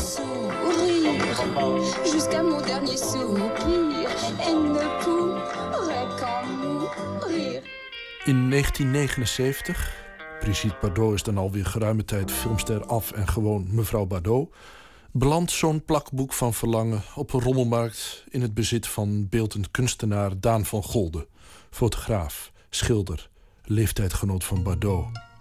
Thuisgekomen begint hij de bladzijden van die plakboeken te fotograferen en 13 van die foto's lijst hij in. 13 uitsneden uit bladzijden van een monomaan Bardot plakboek in gouden lijsten. En die gouden lijsten hangen nu tot 7 februari in de galerie Andriese Eik aan de Leliegracht in Amsterdam. Want Paul Andriessen, galeriehouder, verzamelt het werk van Van Golden al sinds jaar en dag. Absoluut. En er zijn hier ook mensen die, uh, die komen kijken die zelf nog die uh, plak, hun eigen plakboek hebben van uh, Brigitte Bardot. Ik vind het heel pregnant dat hij echt pas vier jaar nadat ze verdwenen was het opgepakt heeft. En niet op het moment dat zij actief was in de media. Had je wel eens gevraagd, Daan, waarom, hoezo eigenlijk? Ik denk omdat bij hem schoonheid zo uh, belangrijk is. Ik denk dat dat echt het sleutelwoord is. Het gaat hij vond het gewoon prachtig. Ja, met velen met ons en nog steeds. Hè? En uh, het was uh, ook een soort van symbool. Het, het heeft symboolwaarde voor uh, de jeugd en voor die vrijheid van die tijd. En dat is helemaal zijn eigen tijd. Maar hij kijkt er dus met een beetje afstand van tien jaar of zo kijkt hij. Dus het is losgeslagen van de tijd en het is nog steeds goed. Dat komt natuurlijk door hem, maar dat komt ook een beetje door haar, hè? Ja, absoluut. Maar bepaalde dingen zijn... Mijn broer was... Um, schilder. En die schilderde wat hij noemde tatoeage-repertoire. En hij schilderde dus ook bloemen. En die zijn gewoon van alle tijden. En, en schedels uh, ook. Um, ik geloof Man Ray of Picard, ik weet niet meer. Maar die zei, er is geen enkele vooruitgang in de kunst. Net zo weinig vooruitgang als in de seksualiteit. Het gaat altijd om hetzelfde, maar om de herformulering binnen de eigen tijd, zeg maar. Zij heeft het tijdloze van een bloem. Absoluut, ja, absoluut. En toch ook het hele specifiek, want je kunt haar niet uh, verwarren met iemand anders. Nee. Net zoals wij dan, wat ik eerder noemde, zoals we die Venus uh, van Milo... of uh, dan de renaissance kunstenaars, zeg maar... die zagen dat als de antieke schoonheid die ze opgegraven hadden per ongeluk. En dat is het meest perfecte beeld daarvan. En zo was zij het meest perfecte beeld van de jaren zestig. Uh, ik zelf hou misschien meer van Romy Schneider of zo. Misschien... Je kijkt erbij alsof ik je word verontschuldigd. Dat geeft allemaal niks. Ja, ik zag toevallig eh, deze week een film met Romy Schneider... die ik nog nooit eh, gezien had. En en Jean-Louis Trintignant. En ik dacht van, wauw, dat is ook echt eh, bijzonder. En die, die is er ook echt als een denkend en, en handelend eh, persoon. Hè? En, en zij, dat heb ik beschreven ook in de catalogus... zij werd er echt in gemanoeuvreerd omdat zij het beeld van schoonheid was. En zij was een duurbetaalde, prachtig mooie filmster. En dat willen we dan zien. Dus eh, als de, met uh, Godard, die die film uh, gedraaid had, uh, Le Mépris... daar zat zij niet naakt in. En de producenten zei van... Huh? Zoveel geld hebben wij betaald. Waarom zit zij daar niet naakt in? En dat, toen heeft hij het er even bij gedraaid... en helemaal aan het begin van de film gezet zodat, oké, okay, dan hebben we dat gehad. Alles is duidelijk. Zo mooi is het dus. en daarna kon de rest van die film komen volgens zijn eigen optiek van... Uh, de rest was nakaart en herinnering, ja. ja. min of meer. Maar in ieder geval, de toon uh, was gezet voor een uh, film met haar erin. En dat blijft dan ook gewoon in je kop zitten. De, in elke, elke scène waarin je haar weer ziet, dan denk je van... oh, dat is die vrouw die over haar ze sprak ook over haar eigen schoonheid. Of ze ondervroeg haar partner over haar eigen schoonheid. Heb ik mooie voeten? Was ja, heb mooie voeten, heb ik mooie borsten, heb ik mooie haren, zijn mon visage. Dus dat blijft. Aussi. Tout. Ma bouche, mes yeux, mon nez, mes oreilles. Oui, tout. Het beeld dat Brigitte Bardot werd betoogt schrijver-filosoof Dirk van Wilde in de catalogus van de tentoonstelling, belichaamde een verlangen van een nieuwe generatie. Ze verbeelden een eigen tijdslevensgevoel, een nieuwe manier om jong te zijn. Een onweerstaanbare godin van de jeugd die lak had aan bestaande conventies en verwachtingen.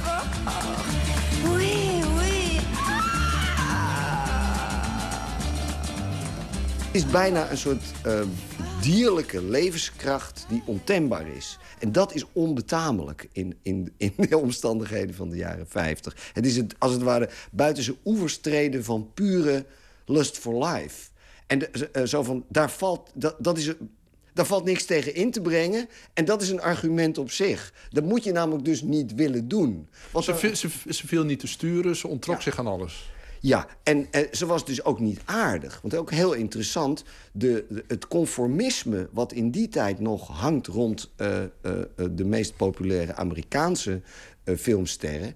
is, ze, ze, zijn nice, ze zijn aardig, ze zijn... Zij is helemaal niet aardig. Zijn ze verwend kreng, ze loopt te pruilen en te, en te protesteren. En ze, ze, ze, ze, ze, ze is ook op een bepaalde manier... Um, ja ongemanierd door zich bijvoorbeeld uh, ongelooflijk demonstratief te vervelen... waar oudere mensen bij zijn. Nou, dat, dat, dat, dat snap je? Dat, uh, voor ons is dat helemaal niet waarneembaar meer als iets schokkends. Maar dat was toen een e enorme provocatie. De danser, de vivre, de. Merde, voit plus personne dat aspect van het ontembare, van dat je het idee krijgt dat als het ware achter de. Uh, het, door, de, door, de, door de naden van het fatsoen en de betamelijkheid heen een soort kracht barst. Waar Daan van Golde meer in zag dan een leuke nieuwe filmster. Maar waar die uh, uh, een bijna mythische of mystieke uitleg van had. Misschien niet op het moment zelf, maar vooral toen hij ver weg was, toen het lang geleden was.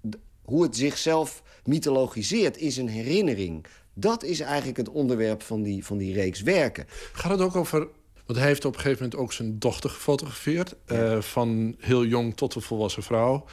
En heeft er wel eens over gezegd... ja, dat is toch de manier, echt vrij letterlijke manier... gewoon om tijd vast te leggen. Om het verstrijken van de tijd vast te leggen. En ook een soort afgunst van jeugd. Ik kan me niet anders ja. voorstellen dat dat in dit geval er ook bij uh, heeft meegespeeld. Ja, dat denk ik ook. Het gaat om hetzelfde, om die uit zijn voegen barstende, niet te weerspreken en uitermate intimiderende kracht van de jeugd. Eh, Het, het jong zijn als een bewonderenswaardige vorm van bijna volmaakt en ook blind zijn. dus er valt niet, je kan er niet mee redeneren, je kan er, niet, je kan er niets tegen inbrengen. Eh, het is een oerkracht. Het is het ook het vastleggen, het documenteren van een obsessie. Want het komt natuurlijk uit dat plakboek. Van een fan. En dat monomane, wat er, wat er een beetje achter zit...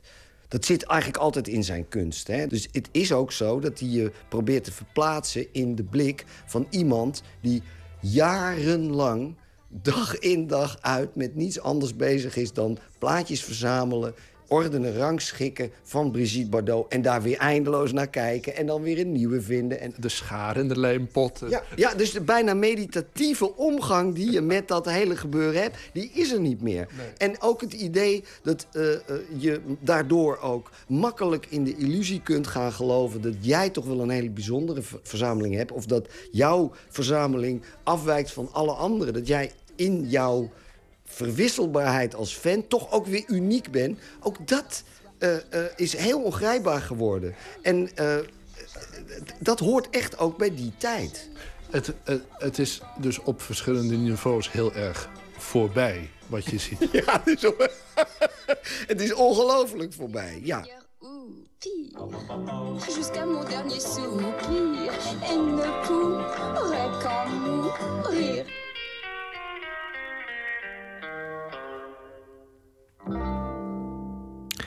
Paul Andriessen en Dirk van Wilde over Brigitte Bardot en Daan van Golden. De portretten van Brigitte Bardot zijn nog eh, tot 7 februari te zien in Galerie Andriessen Eik aan de Leliegracht in Amsterdam.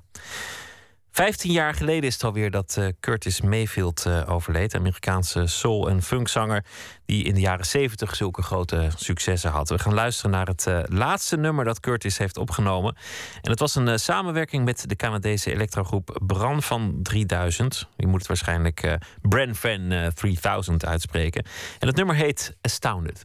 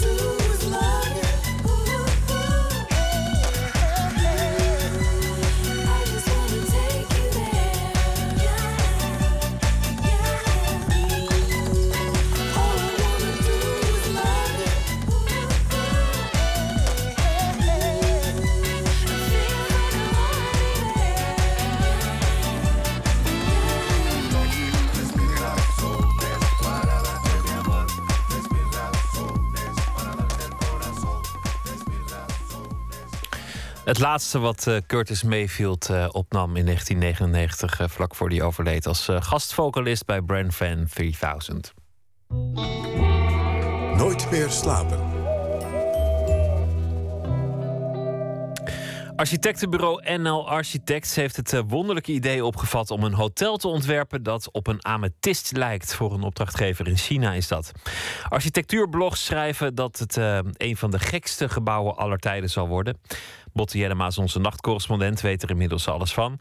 Botte, maar even te beginnen voor de mensen met wat, eh, wat minder kennis van eh, mineralen en stenen. Wat is een amethyst ook alweer? Ja, ik wist het ook niet hoor. Maar de amethyst die NL Architects als inspiratie gebruikt... dat is een geode, om er nog maar een term bij te gooien.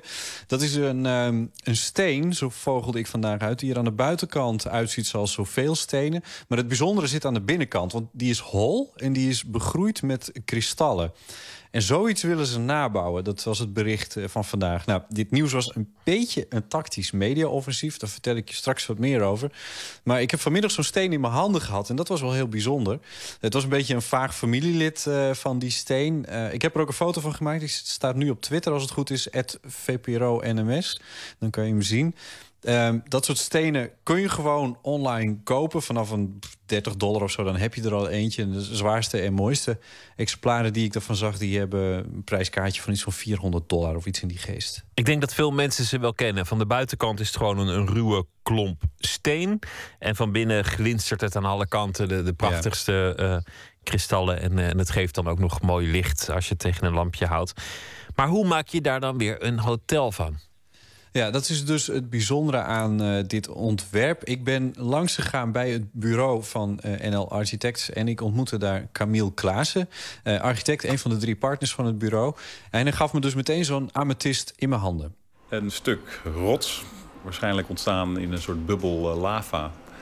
En op het moment dat je die splijt, dan is die onaantrekkelijke eh, buitenkant... die ontpopt zich tot een werkelijk verbluffende schoonheid eh, aan de binnenkant. Wat, wat is dit? Is dit steen aan de binnenkant? Ja, Of het glas? is het is een soort kristal. Ja. En, eh, Het glittert en het glanst en het heeft eh, allemaal prachtige vormen. Ja, ja eh, kristallijne vormen wordt dat genoemd. En wat je niet verwacht bij zo'n steen is dat die hol is. Nee. En dat is natuurlijk een miraculeuze ervaring. Ja, van de binnenkant eh, van de amethyst wordt wel gezegd dat het een kathedraal is. Dus dat is dan een verwijzing naar de architectuur. En dat proberen zij nu dus weer om te draaien. Nou, eh Klaassen hoopt uiteindelijk een hele keten van eh zulke hotels te maken. De bedoeling is namelijk dat er zo'n 40 hotels worden gebouwd in China. En dit soort stenen die kunnen model staan voor heel veel verschillende ontwerpen. Maar ik snap het nog steeds niet. Je hebt een holle steen, ruw aan de buitenkant, kristallen binnenin, alles fonkelt. Hoe maak je daar dan een, een hotel van? Nou ja, ze snijden hem in feite verticaal door, zo moet je zien. Eh dan staat hij rechtop. Eh, dan kijk je dus in die holte, dan zie je die kristallen. En dat, zo moet je je voorstellen, worden de ramen van de hotelkamers. Die zitten dus aan de, aan de binnenkant. De buitenkant, eh, dat blijft die ruwe steen. Die vormt als het ware een, eh, een, een korst... waar eh, gangen en, en nou ja, alles wat je verder in een hotel nodig hebt... dat zit daar dan in, zo vertelde Klaassen mij. Het ontwerp waar ze nu aan werken, dat is bedoeld om 111 meter hoog te worden... Maar het is dus een beetje het idee om zoveel mogelijk die vorm intact te houden. En dat heeft een reden. Want in allerlei culturen krijgt de amethyst namelijk magische krachten toegede- In toegekend. het Grieks, hè, de, het Grieks is de naamgevende taal, ehm, duidt het op iets wat je van je kater afhelpt. Dus dat is natuurlijk buitengewoon interessant voor de minibar omzet. dus dan- als mensen het gevoel hebben dat ze eindeloos kunnen drinken... dan, eh, dan kan dat in dit hotel eh, gebeuren. Maar er zijn eh, talloze andere verwijzingen. En veelal hebben ze te maken met goede gezondheid... of ehm, het zakelijk succesvol worden. Je beter kunnen concentreren gelukkiger worden. Je kan relation gone sour kan je weer op de, op de rails krijgen. Als er een derde in het spel is, kunnen dit soort dingen ook opgelost worden. Dus er is een soort van eindeloze reeks van positieve aspecten die eraan toegekend worden. En dat vonden wij nou zo heel erg interessant. Ja, ze willen dus een symbool maken dat in heel veel culturen een positieve betekenis heeft. Is het een idee of zijn er al tekenen dat het ook daadwerkelijk gebouwd gaat worden? Ja, dit eerste ontwerp dat is gemaakt voor een ambitieuze projectontwikkelaar... die op een kunstmatig eiland in Zuid-China dus zo'n 40 hotels wil bouwen. Daar moeten nog uitbaters voor gezocht worden. En daar eh, hangt het nu een klein beetje op. Er moet een keten gevonden worden die er handel in ziet. Dus het is niet zo dat ze eh, het akkoord voor het ontwerp al eh, binnen hebben. Nee, dat zou dan de reden kunnen zijn om dat toch vanmiddag naar buiten te brengen. Maar de reden om nu die media te zoeken... ja, dat doet Camille Klaassen ook niet geheimzinnig over. We, we hopen dat door deze media-aandacht voor dit fenomeen... en de, het is grappig hoe dit eh, op het internet eh, nu eh, werkt. En je, zo ik, moet je dan ook weer niet alle commentaren gaan lezen... want er zijn ook hele cynische bij. maar we hopen toch dat door die positieve feedback die er ook is... de, de kans ontstaat dat, dat, dat het proces gecatalyseerd wordt. Versneld wordt. Versneld wordt. En dat hebben we al eerder een keer meegemaakt. Dat in een project wat bijna eh, op sterven na dood was. eh, ook eh, overigens in China. Toen hebben we het online gebracht. En toen kreeg onze opdrachtgever zoveel positieve feedback. Dat hij meteen eh, ons de vervolgopdracht gegeven heeft. En eh, dat heeft hij ook heel eerlijk op een gegeven moment gezegd. Van, ja, ik dacht erover om het te stoppen. Maar eh, de, de reacties zijn zo, zo overweldigend. We hebben besloten om het verder eh, uit te werken. Aha, een, een trucje dus. En, eh, Ja. en wij zijn er ingetrapt. Ja, nou ja, ik dacht voor de vaderlandse zaak mogen we ons misschien ook wel een keertje laten gebruiken. Het, eh, het zou natuurlijk heel mooi zijn als dit opmerkelijke ontwerp eh, lukt om daadwerkelijk te bouwen. Want eh Klaassen vertelde mij dat hij, dat hij dat vooral heel graag wil, omdat in Nederland, zo zei hij, eigenlijk nog alleen conservatieve ontwerpen gemaakt, gerealiseerd worden. En in China wordt nog volop geëxperimenteerd. En we merken dat, dat in China de ambities heel erg hoog liggen bij bepaalde projecten om grenzen op te zoeken. En we zijn nu wel heel benieuwd hoe de reacties van de, de Chinese president eh, zijn. Want die heeft zich onlangs eh laatdunkend uitgelaten over... eh, Ik weet dat het een trouwe luisteraar is van Nooit meer slapen. dus dat, dat moet goed komen, schat ik zo. ja, nee, dus je kan je heel even afvragen of dit het juiste tijdsgewricht is om een soort exorbitante architectuur te promoten. Maar eigenlijk vonden we toch het, het idee zo sympathiek en zo overweldigend prachtig dat we er toch heel graag mee door wilden. En dus het project heeft onszelf heel veel energie gegeven. Dus waarschijnlijk vanuit die Feng Shui-gedachte hebben wij daar dus een soort van eh, extra kracht van gekregen. Wat hebben ze eigenlijk eh, nog meer eh, ontworpen, die NL Architects? Waar, waar zouden we ze van kunnen kennen? Wat is hun beroemdste gebouw? Nou, het, het beroemdste gebouw staat er eigenlijk nog niet. Dat is namelijk eh, het Groninger Forum. Daar is nog steeds heel veel over te doen. Het is ook een van de redenen dus eh, voor Klaassen om eh, hier nu wat extra gas op te geven. Want eh, ja, of dat forum er nou wel of niet komt in de vorm zoals hij het bedacht heeft... dat is nog maar zeer de vraag. En ehm, eh, hij zegt dat dat Groningen Forum is ook een, een heel gewaagd ontwerp. Maar d- om dat in Nederland nog gerealiseerd te krijgen... is eigenlijk bijna onmogelijk. Dus daarom dat hij juist zijn pijl ook een beetje op China richt. Botte Jellema, dankjewel. Het is een eh, mooi idee, toch? Een, een amethyst als hotel. Ik ben benieuwd Ja, eh, of het gaat ziet er lukken. heel mooi uit. Dankjewel. Ik ook. We gaan luisteren naar eh, Mr. and Mississippi. is een eh, Nederlandse band. Ooit begonnen aan eh, de Herman Brood Academie als vier studenten. Ze hebben een nieuw album uit. En de titel daarvan is We Only Part to Meet Again. En daarvan draaien we het eh, nummer dat eigenlijk niet op de plaat kwam, maar dan toch wel als eh, bonus track Gloom.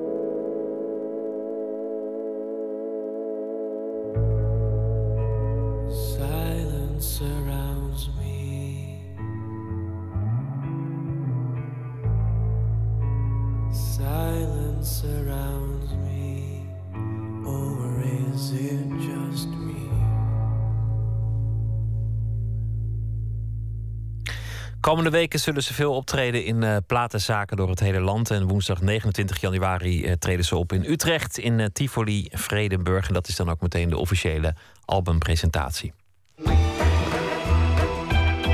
Nooit meer slapen. Ineens was daar een tijd dat je er gewoon echt niet mee kon aankomen. En dat het niet meer in de mode was. En dat je ze niet meer zag in, in cafés, restaurants of bij mensen thuis. Opgezette dieren, zo'n hertenkop aan de muur of boven de tafel. Maar ze zijn nu inmiddels weer helemaal terug, ook in de meest eh, hippe interieurs.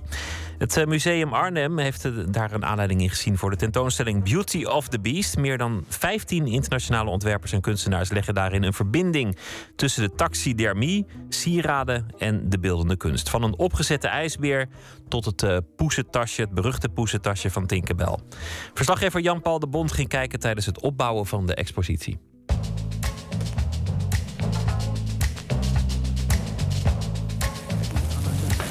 Voorzichtig af, want we moeten wel even bedenken dat we hem pakken. Nu gaan we de grote truc doen. We hebben twee helften en die moeten we ongeveer tegelijkertijd opbouwen en ophangen. Ja, en dan hou ik hem vast. Of we doen het tegelijkertijd. In aanbouw is eh, een sculptuur in de vorm van twee helften van een eh, zwaan. Een sculptuur van Idiots, van kunstenaarsduo Afke Goldstein en Floris Bakker. Afke, jullie werken eigenlijk alleen maar met materiaal van opgezette dieren. Nou, dat is niet helemaal waar. Maar eh, dat is wel waar we bekend mee zijn geworden, zeg maar. Of in ieder geval in de musea's en in de galeries mee staan.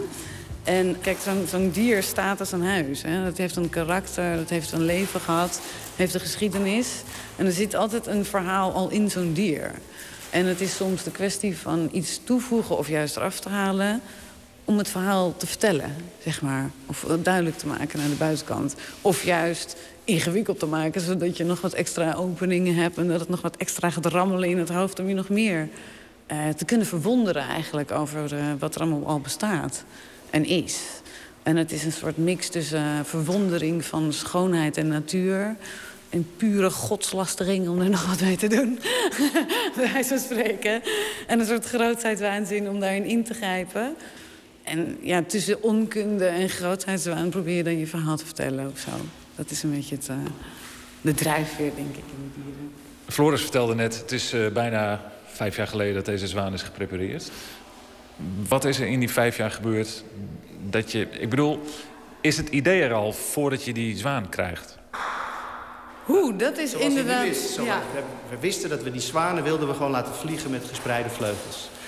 En we dachten, als we de twee halve zwanen hebben... dan komen we er zeg maar met ijzer... want ik heb een kleine smederij, komen we er wel uit. Maar Want eventjes de uitleg, hij, hij is precies eh doormidden gesneden. Dus je hebt echt twee helften van, van één zwaan... waarbij het, het, het binnenste, dus eh, zeg maar het, het ingewanden gedeelte... hebben jullie geprepareerd tot een soort ja, pareloppervlak. Ja, Zo probeer ik het dan even te beschrijven. Maar dat idee van, we doen hem eh, radicaal doormidden... dat was er wel snel. Dat was er, daar, begint het, dat, ja, daar begon het mee. Eigenlijk, ik zit wat meer over van hoe krijg ik die vliegende zwaan gewoon tot, als, tot een soort structuur. Jij bent meer van de praktische kant. Ik ben benieuwd namelijk wat Afke daar met al die parels in gaat, eh, eh, gaat doen. En als je dingen verandert, de verbazing en de verrassing... en of het wel of niet waar is en wat echt en nep is... die vragen, die komen allemaal naar boven. En daardoor is wel een beetje het klieven en doormidden hakken van dingen ontstaan... om te laten zien wat er dan zogenaamd aan de binnenkant zou zitten. En dat heeft verschillende vormen aangenomen, zeg maar.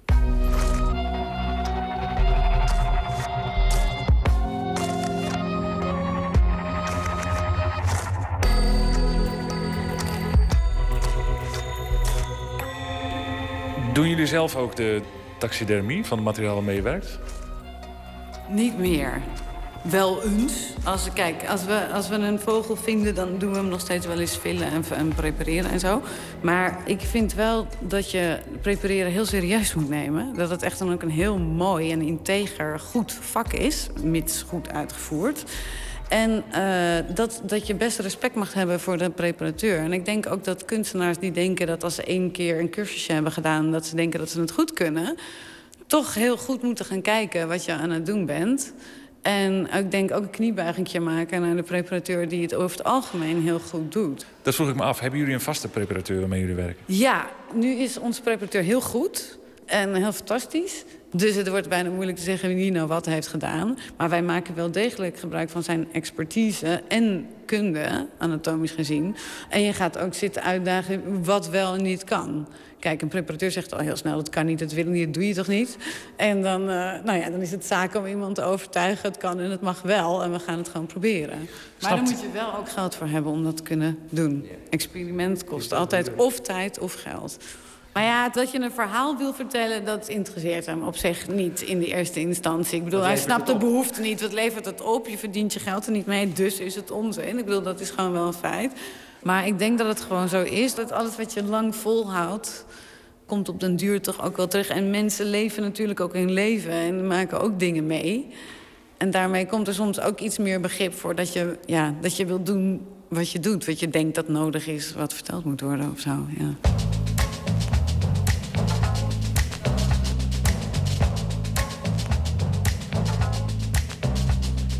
Wat is het aan dit materiaal? ehm, wat, wat doet dit materiaal met, met een toeschouwer? Nou, ik denk dat dat heel erg aan de bagage van de toeschouwer ligt ook. Maar ik denk dat het gewoon zo is dat een, e- een beest, een dier en zeker huisdieren... altijd een bepaald soort emotie met zich meebrengen. Waardoor het, als je het combineert met symboliek... gewoon een heel duidelijk eh, verhaal kunt vertellen... met wat mensen heel diep raakt. En het is natuurlijk de truc om dat zo subtiel te doen... dat je mensen niet van de tafel aframt, zeg maar. Met, hé, kijk, een dode kalf, hartstikke idee. En het moet een bepaald soort schoonheid hebben... en een verleiding en een soort kwetsbaarheid... waardoor je durft te kijken.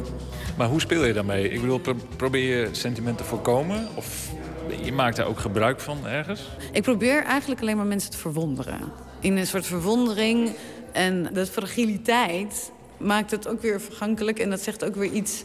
Een fragiel object zeg, heeft ook een bepaalde emotie. Van vergankelijkheid, zeg maar. En ik vind denk ik loslaten en eh, dat alles maar voorbij gaat... vind ik heel erg. Maar dat is ook een soort van fascinatie die je dan drijft... om iets te maken van vergankelijkheid wat hopelijk blijvend is.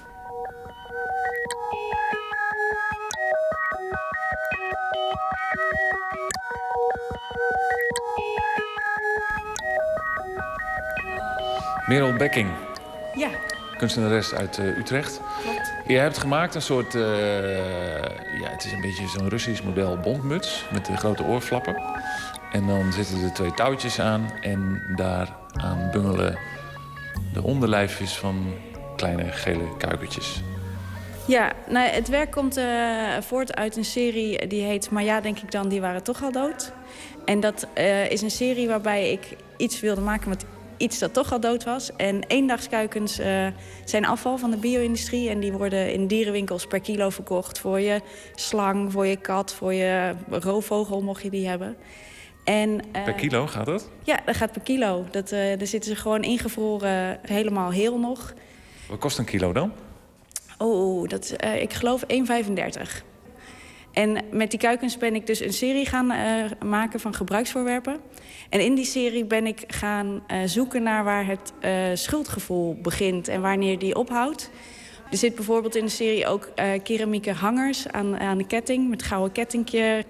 En dan heb je minder het gevoel dat het van een kuiken vandaan komt, waardoor het eerder mooi wordt dan zielig. Terwijl het in basis zou het niet uit moeten maken, want het is allemaal hetzelfde 1 kilo kuiken. Het is een heel grappig ding. Helemaal onderaan bungelen die eh, twee keer twee eh, minuscule kuikenpootjes. En dat is eigenlijk het enige wat het, eh, wat het onderscheid is met een, met een doodnormale bondmuts. Ja, en blijkbaar is het zieliger om een, eh, heel jong pasgeboren kuikentje te gebruiken dan drie of vier nertsen die je niet zo herkenbaar terugziet in een muts. Dus het heeft daar in ieder geval mee te maken. Van hoe, eh, hoe dicht staat het soort dier bij onze dagelijkse praktijk. Als het een huisdier is, dan pikken we het niet. Ja, dat klopt helemaal. En, en mensen vinden het ook heel onprettig om details te zien. Net zoals gehakte helemaal niet zo erg is om te eh, zien. Maar als er dan nog een varkenshoofd aan zit, is al wat eh, heftiger. En dat is met gebruiksvoorwerpen of kunst van dieren precies zo. Een mooie boa met veren van een papegaai vinden we prachtig. Maar als je er, zoals hier, een eh, BH van maakt... waar je echt nog vleugels ziet... eh, reageer je er toch eh, direct anders op. Ja. En ja, ik vind dat een heel interessante ehm, speelveld. Ja. Hoe werkt het voor jezelf dan, om daarmee bezig te zijn? Ga jij zelf op een gegeven moment ben je een grens overgegaan? Ja, heel erg. Ik heb eh, een paar dagen meegedaan bij een opleiding voor, voor preparateurs, mensen die dieren opzetten. En daar moest ik echt wel een knop omzetten. Want eh, het ene moment is het nog een dier en daarna heb je alleen nog een nat, koud velletje over. Dat moest ik echt wel fysiek overheen. Want speciaal voor die serie heb je je dus ook verdiept in hoe moet ik überhaupt een, eh, een kuiken prepareren? Ja, die kuikens die zijn heel makkelijk te doen. Dus dat, dat, daar hoef je geen expert voor te zijn om dat te kunnen. Nee, maar is, ja, misschien wordt het smakeloos verhaal, dat weet ik niet. Maar kun je eens uitleggen hoe dat in zijn werk gaat? Ja, het is een vrij smakeloos verhaal, inderdaad. Je, je hebt een zak eh, bevroren kuikens, die laat je ontdooien... waardoor ze een beetje eh, wel koud, maar slap worden. En dan neem je een eh, kleine scalpel en dan trek je het velletje strak aan de, aan de voorkant van zijn nek. En dan maak je een kleine incisie helemaal naar beneden. En dan ga je voorzichtig het velletje met de, met een stomp, eh, met de stompe kant van je scalpel... ga je het velletje proberen eh, los te trekken zonder daar eh, te hard aan te trekken. Want dan krijg je misvormingen of gaten of eh, het valt het uit elkaar. En zo probeer je echt het, het, het lichaampje weg te halen en alleen het velletje over te houden. En dan hou je inderdaad een klein stukje bont en een heel zielig hoopje kip. Ja, ja, dat, ja precies dat. Een heel klein mini-naakt En het is allemaal heel onsmakelijk, want op een gegeven moment kom je bij de pootjes en die zitten vast. Dus dat moet je doorknippen en het hoofdje moet je knippen. Ja, het, het is inderdaad een heel onsmakelijk verhaal. Als ik er nu weer aan terugdenk, denk ik, oh, ik wil dat nooit meer doen. Kunstenaars eh, Merel, Becking en Idiots. Het werk is eh, te zien samen met dat van andere internationale ontwerpers op de tentoonstelling Beauty of the Beast. Morgenavond wordt dat geopend in eh, Arnhem in het eh, museum al daar. Een bijdrage van eh, Jan-Paul de Bond. We gaan luisteren naar Kitty, Daisy en Louis, een trio uit de Engelse plaats Durham. Bestaande uit twee zussen en een broer die vroeger veel hebben geluisterd naar Amerikaanse rootsmuziek. Voor de productie van het nieuwe album Kitty, Daisy en Louis III deden Louis en de zussen een beroep op Mick Jones, ooit gitarist van de band The Clash. Van dat nieuwe album hoort u Baby Bye Bye.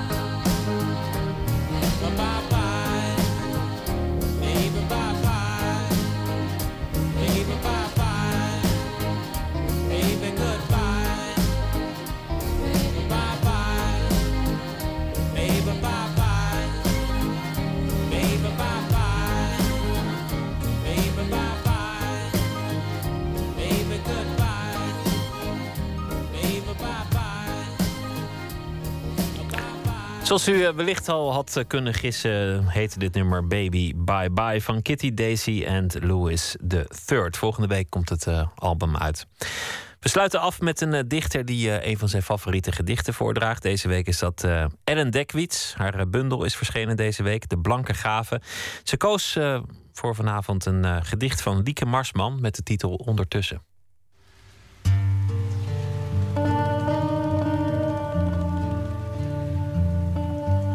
Allerbeste dichter in Nederland onder de 85 is natuurlijk Lieke Marsman. Een dichteres van, ik geloof, net 21 jaar uit Amsterdam.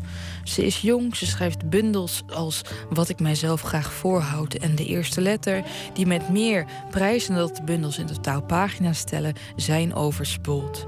Hier een prachtig gedicht voor op de late nacht. Luister naar dit lange vers en droom met me mee. Ondertussen.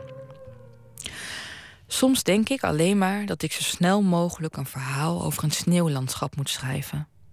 Op maanschoenen tot het gras zakken en lege lawines uitgraven.